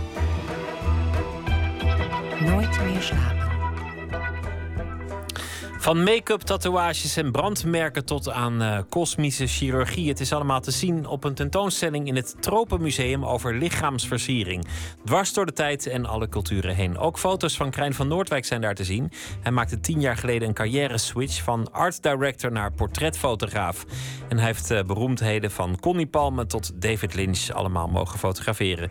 De fotograaf is gefascineerd door mensen met tattoos, tatoeages. Verslaggever Nicole Terborg die spreekt hem en ook het tatoeagemodel Femke Fataal op de expositie Body Art in Amsterdam. Ik word continu aangestaard, want als je loopt in de straat, dan voel je dat mensen kijken. En dan draai ik me om en dan zie ik dat mensen echt staan zo met een open mond van... Het ziet er heel belangrijk uit voor mij.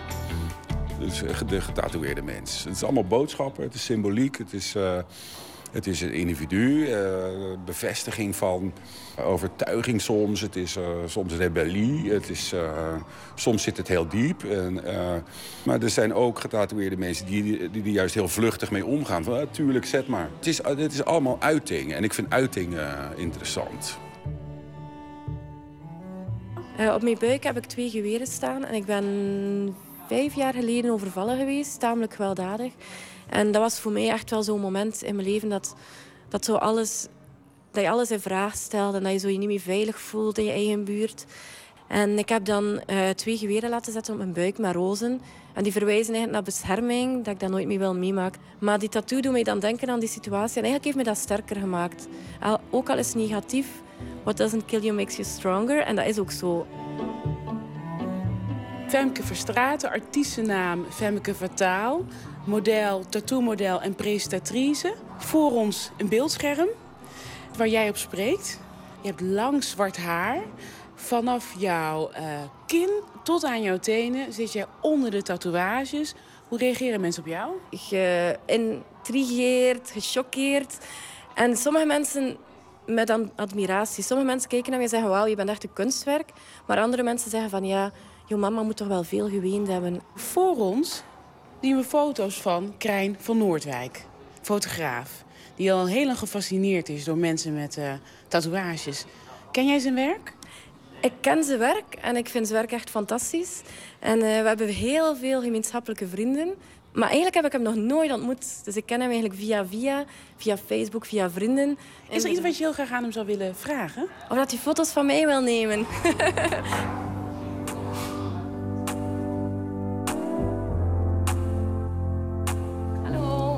We hebben wel eens wat contact gehad vroeger. Toen ik mijn boek ging beginnen.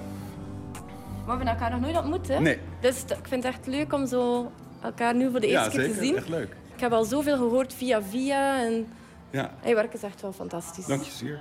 Want Leuk. waarom wil die Krijn zo graag ontmoeten? Ik vind zijn werk fantastisch en ik zou super graag een model zijn voor jou. Weet ik, maar ik heb jou ooit gevraagd als model. Via Facebook ging dat. En op de een of andere manier, of je kon niet, of uh, dat weet ik niet meer precies waarom dat niet is gebeurd. Weet, jij nog, wat- weet je nog wat het was? Nee, ik weet dat echt niet meer. Dat is al lang geleden Ja, waarschijnlijk. dat is bijna twee jaar geleden. ja, ja, ja. Ja, is, is, nu de- is nu het moment voorbij, Krijn? Ik ben bang van wel. Ik heb mijn tatoeageproject afgesloten. Oh, Deel hoor je dat. Femke? Deel 2 misschien. Ja, wie weet, ooit.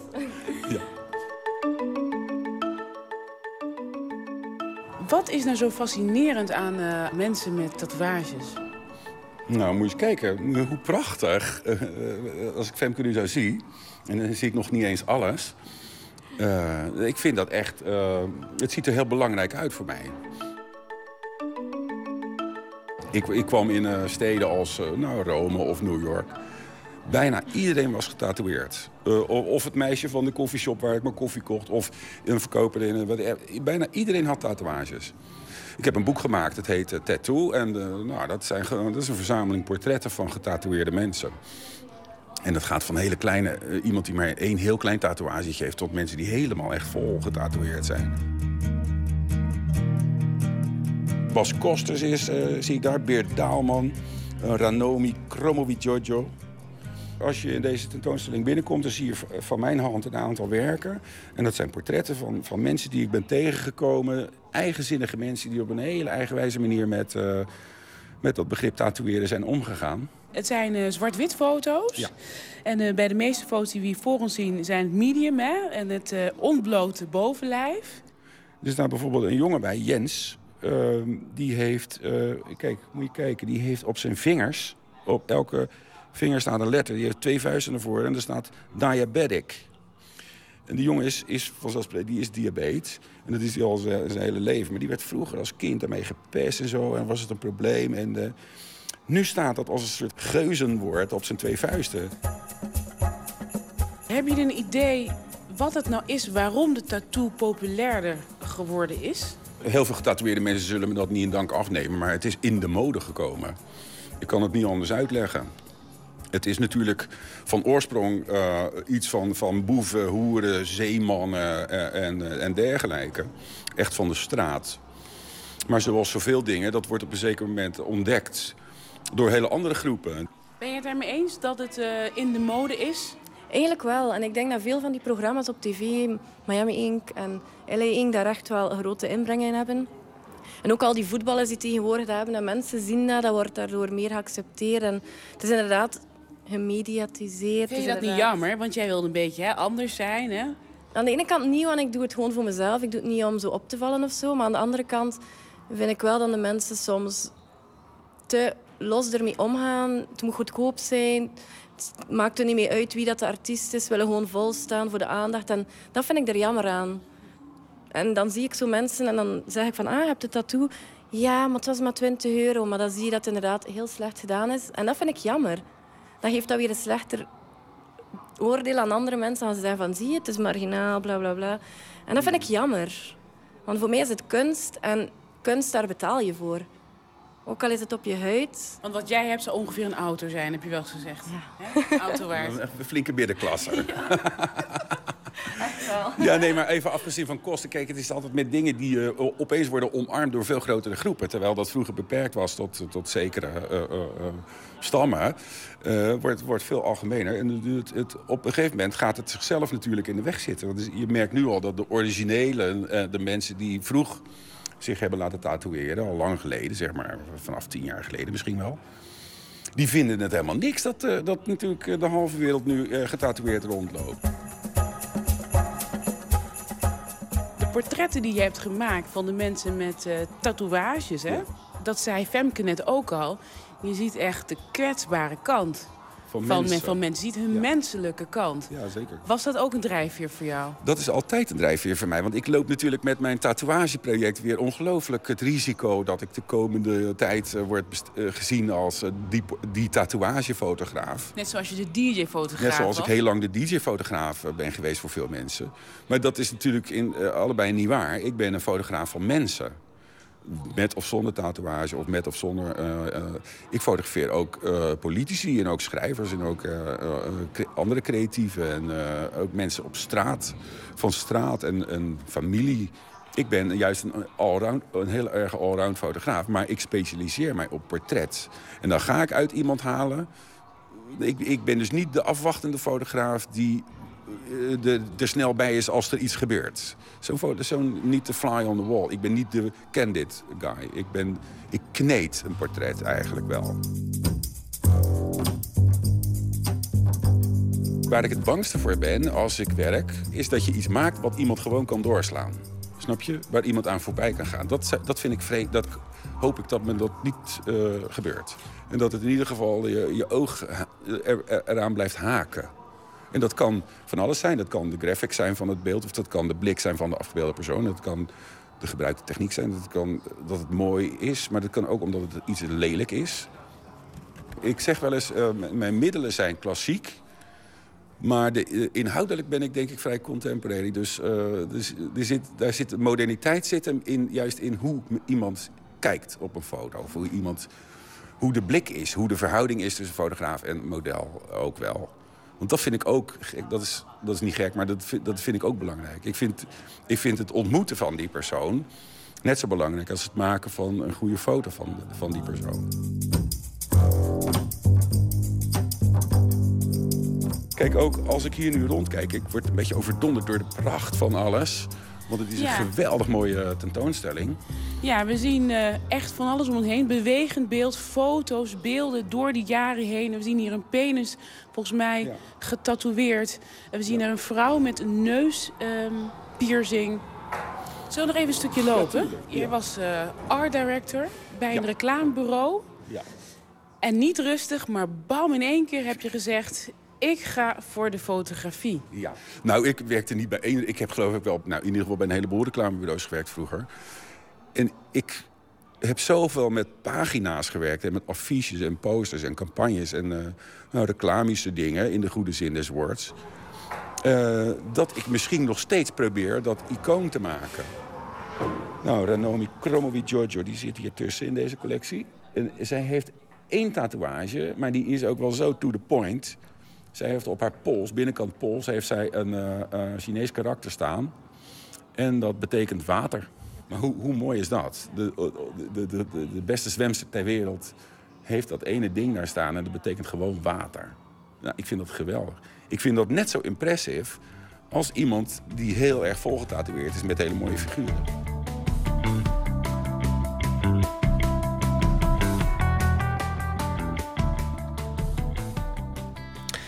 Body Art tot en met 30 augustus in het Tropenmuseum in Amsterdam. Een bijdrage van Nicole Terborg was dat. Hij schreef eh, liedjes voor eh, grootheden als Sam en Dave, Solomon Burke, Albert King en zelfs Otis Redding. Ik heb het over Eddie Floyd. Zelf had hij ook een eh, hit en eh, dat was Knock on Wood. Maar hij zong ook eh, een ander liedje, California Girl.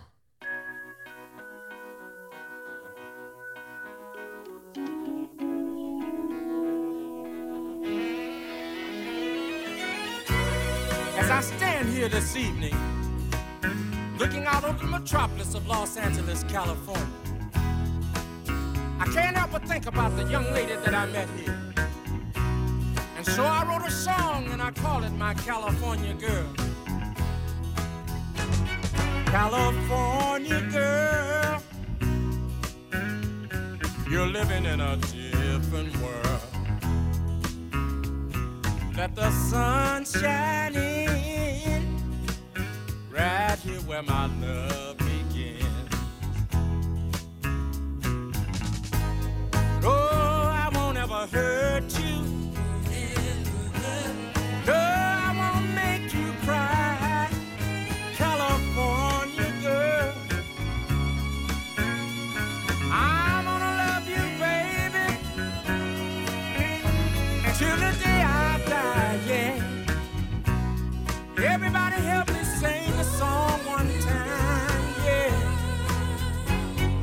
California girl,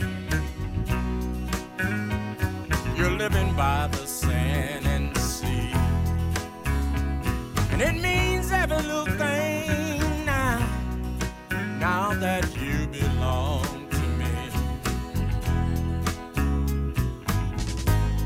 Oh, I'm gonna make you happy.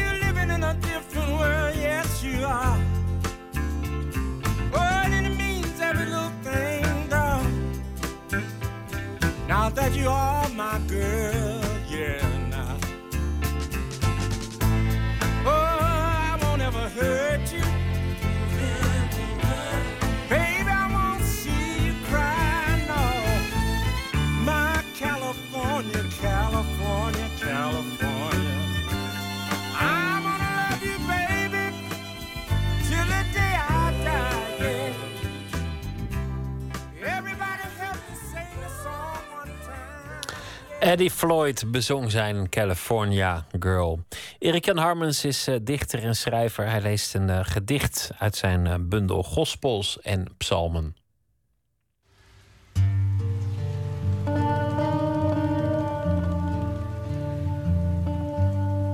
Dit is een gedicht van mijzelf uit mijn bundel Gospels en Psalmen. En, en het is een gedicht dat ik nog nooit heb voorgelezen. Daarom dacht ik, dan is het misschien aardig om het nu wel voor te lezen. Het heeft een zeer ongebruikelijke titel. De titel luidt namelijk... But you left me just when I needed you most.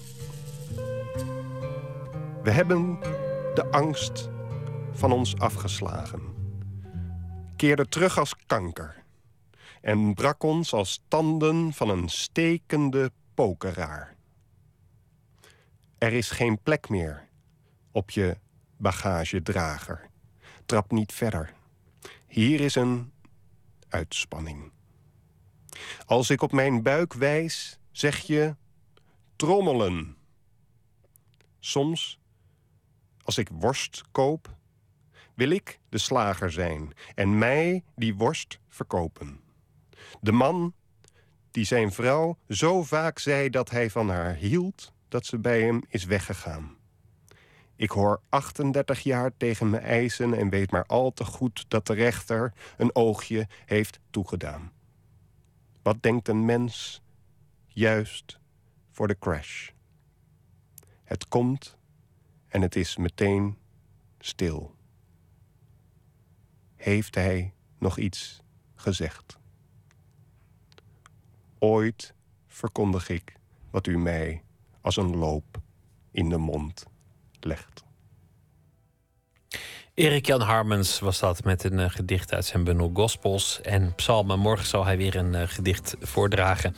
Dan eh, ontvangen we Ton Koopman, barokmuzikus, beroemd over de hele wereld. Hij speelt uitverkochte concerten echt in elke hoek van deze planeet. Hij heeft zijn eigen Amsterdam Barok Orchestra en Choir en hij geeft ook les aan uh, jonge muzici. En hij is een van de specialisten in de barokmuziek. Een uh, groot liefhebber en kenner van de muziek van Johann Sebastian Bach. En hij komt uh, vertellen over zijn plannen, activiteiten en alles wat hem verder bezighoudt. Verder aandacht voor een tentoonstelling in het Stedelijk Museum De Oase van Matisse. En u krijgt weer een verhaal van F. Starik.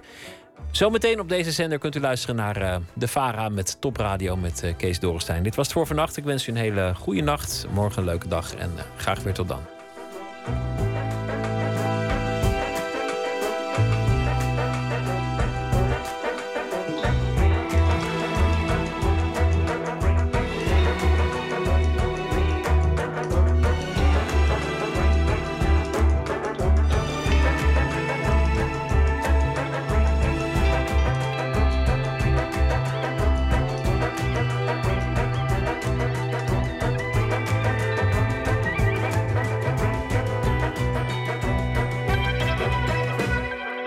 Radio 1.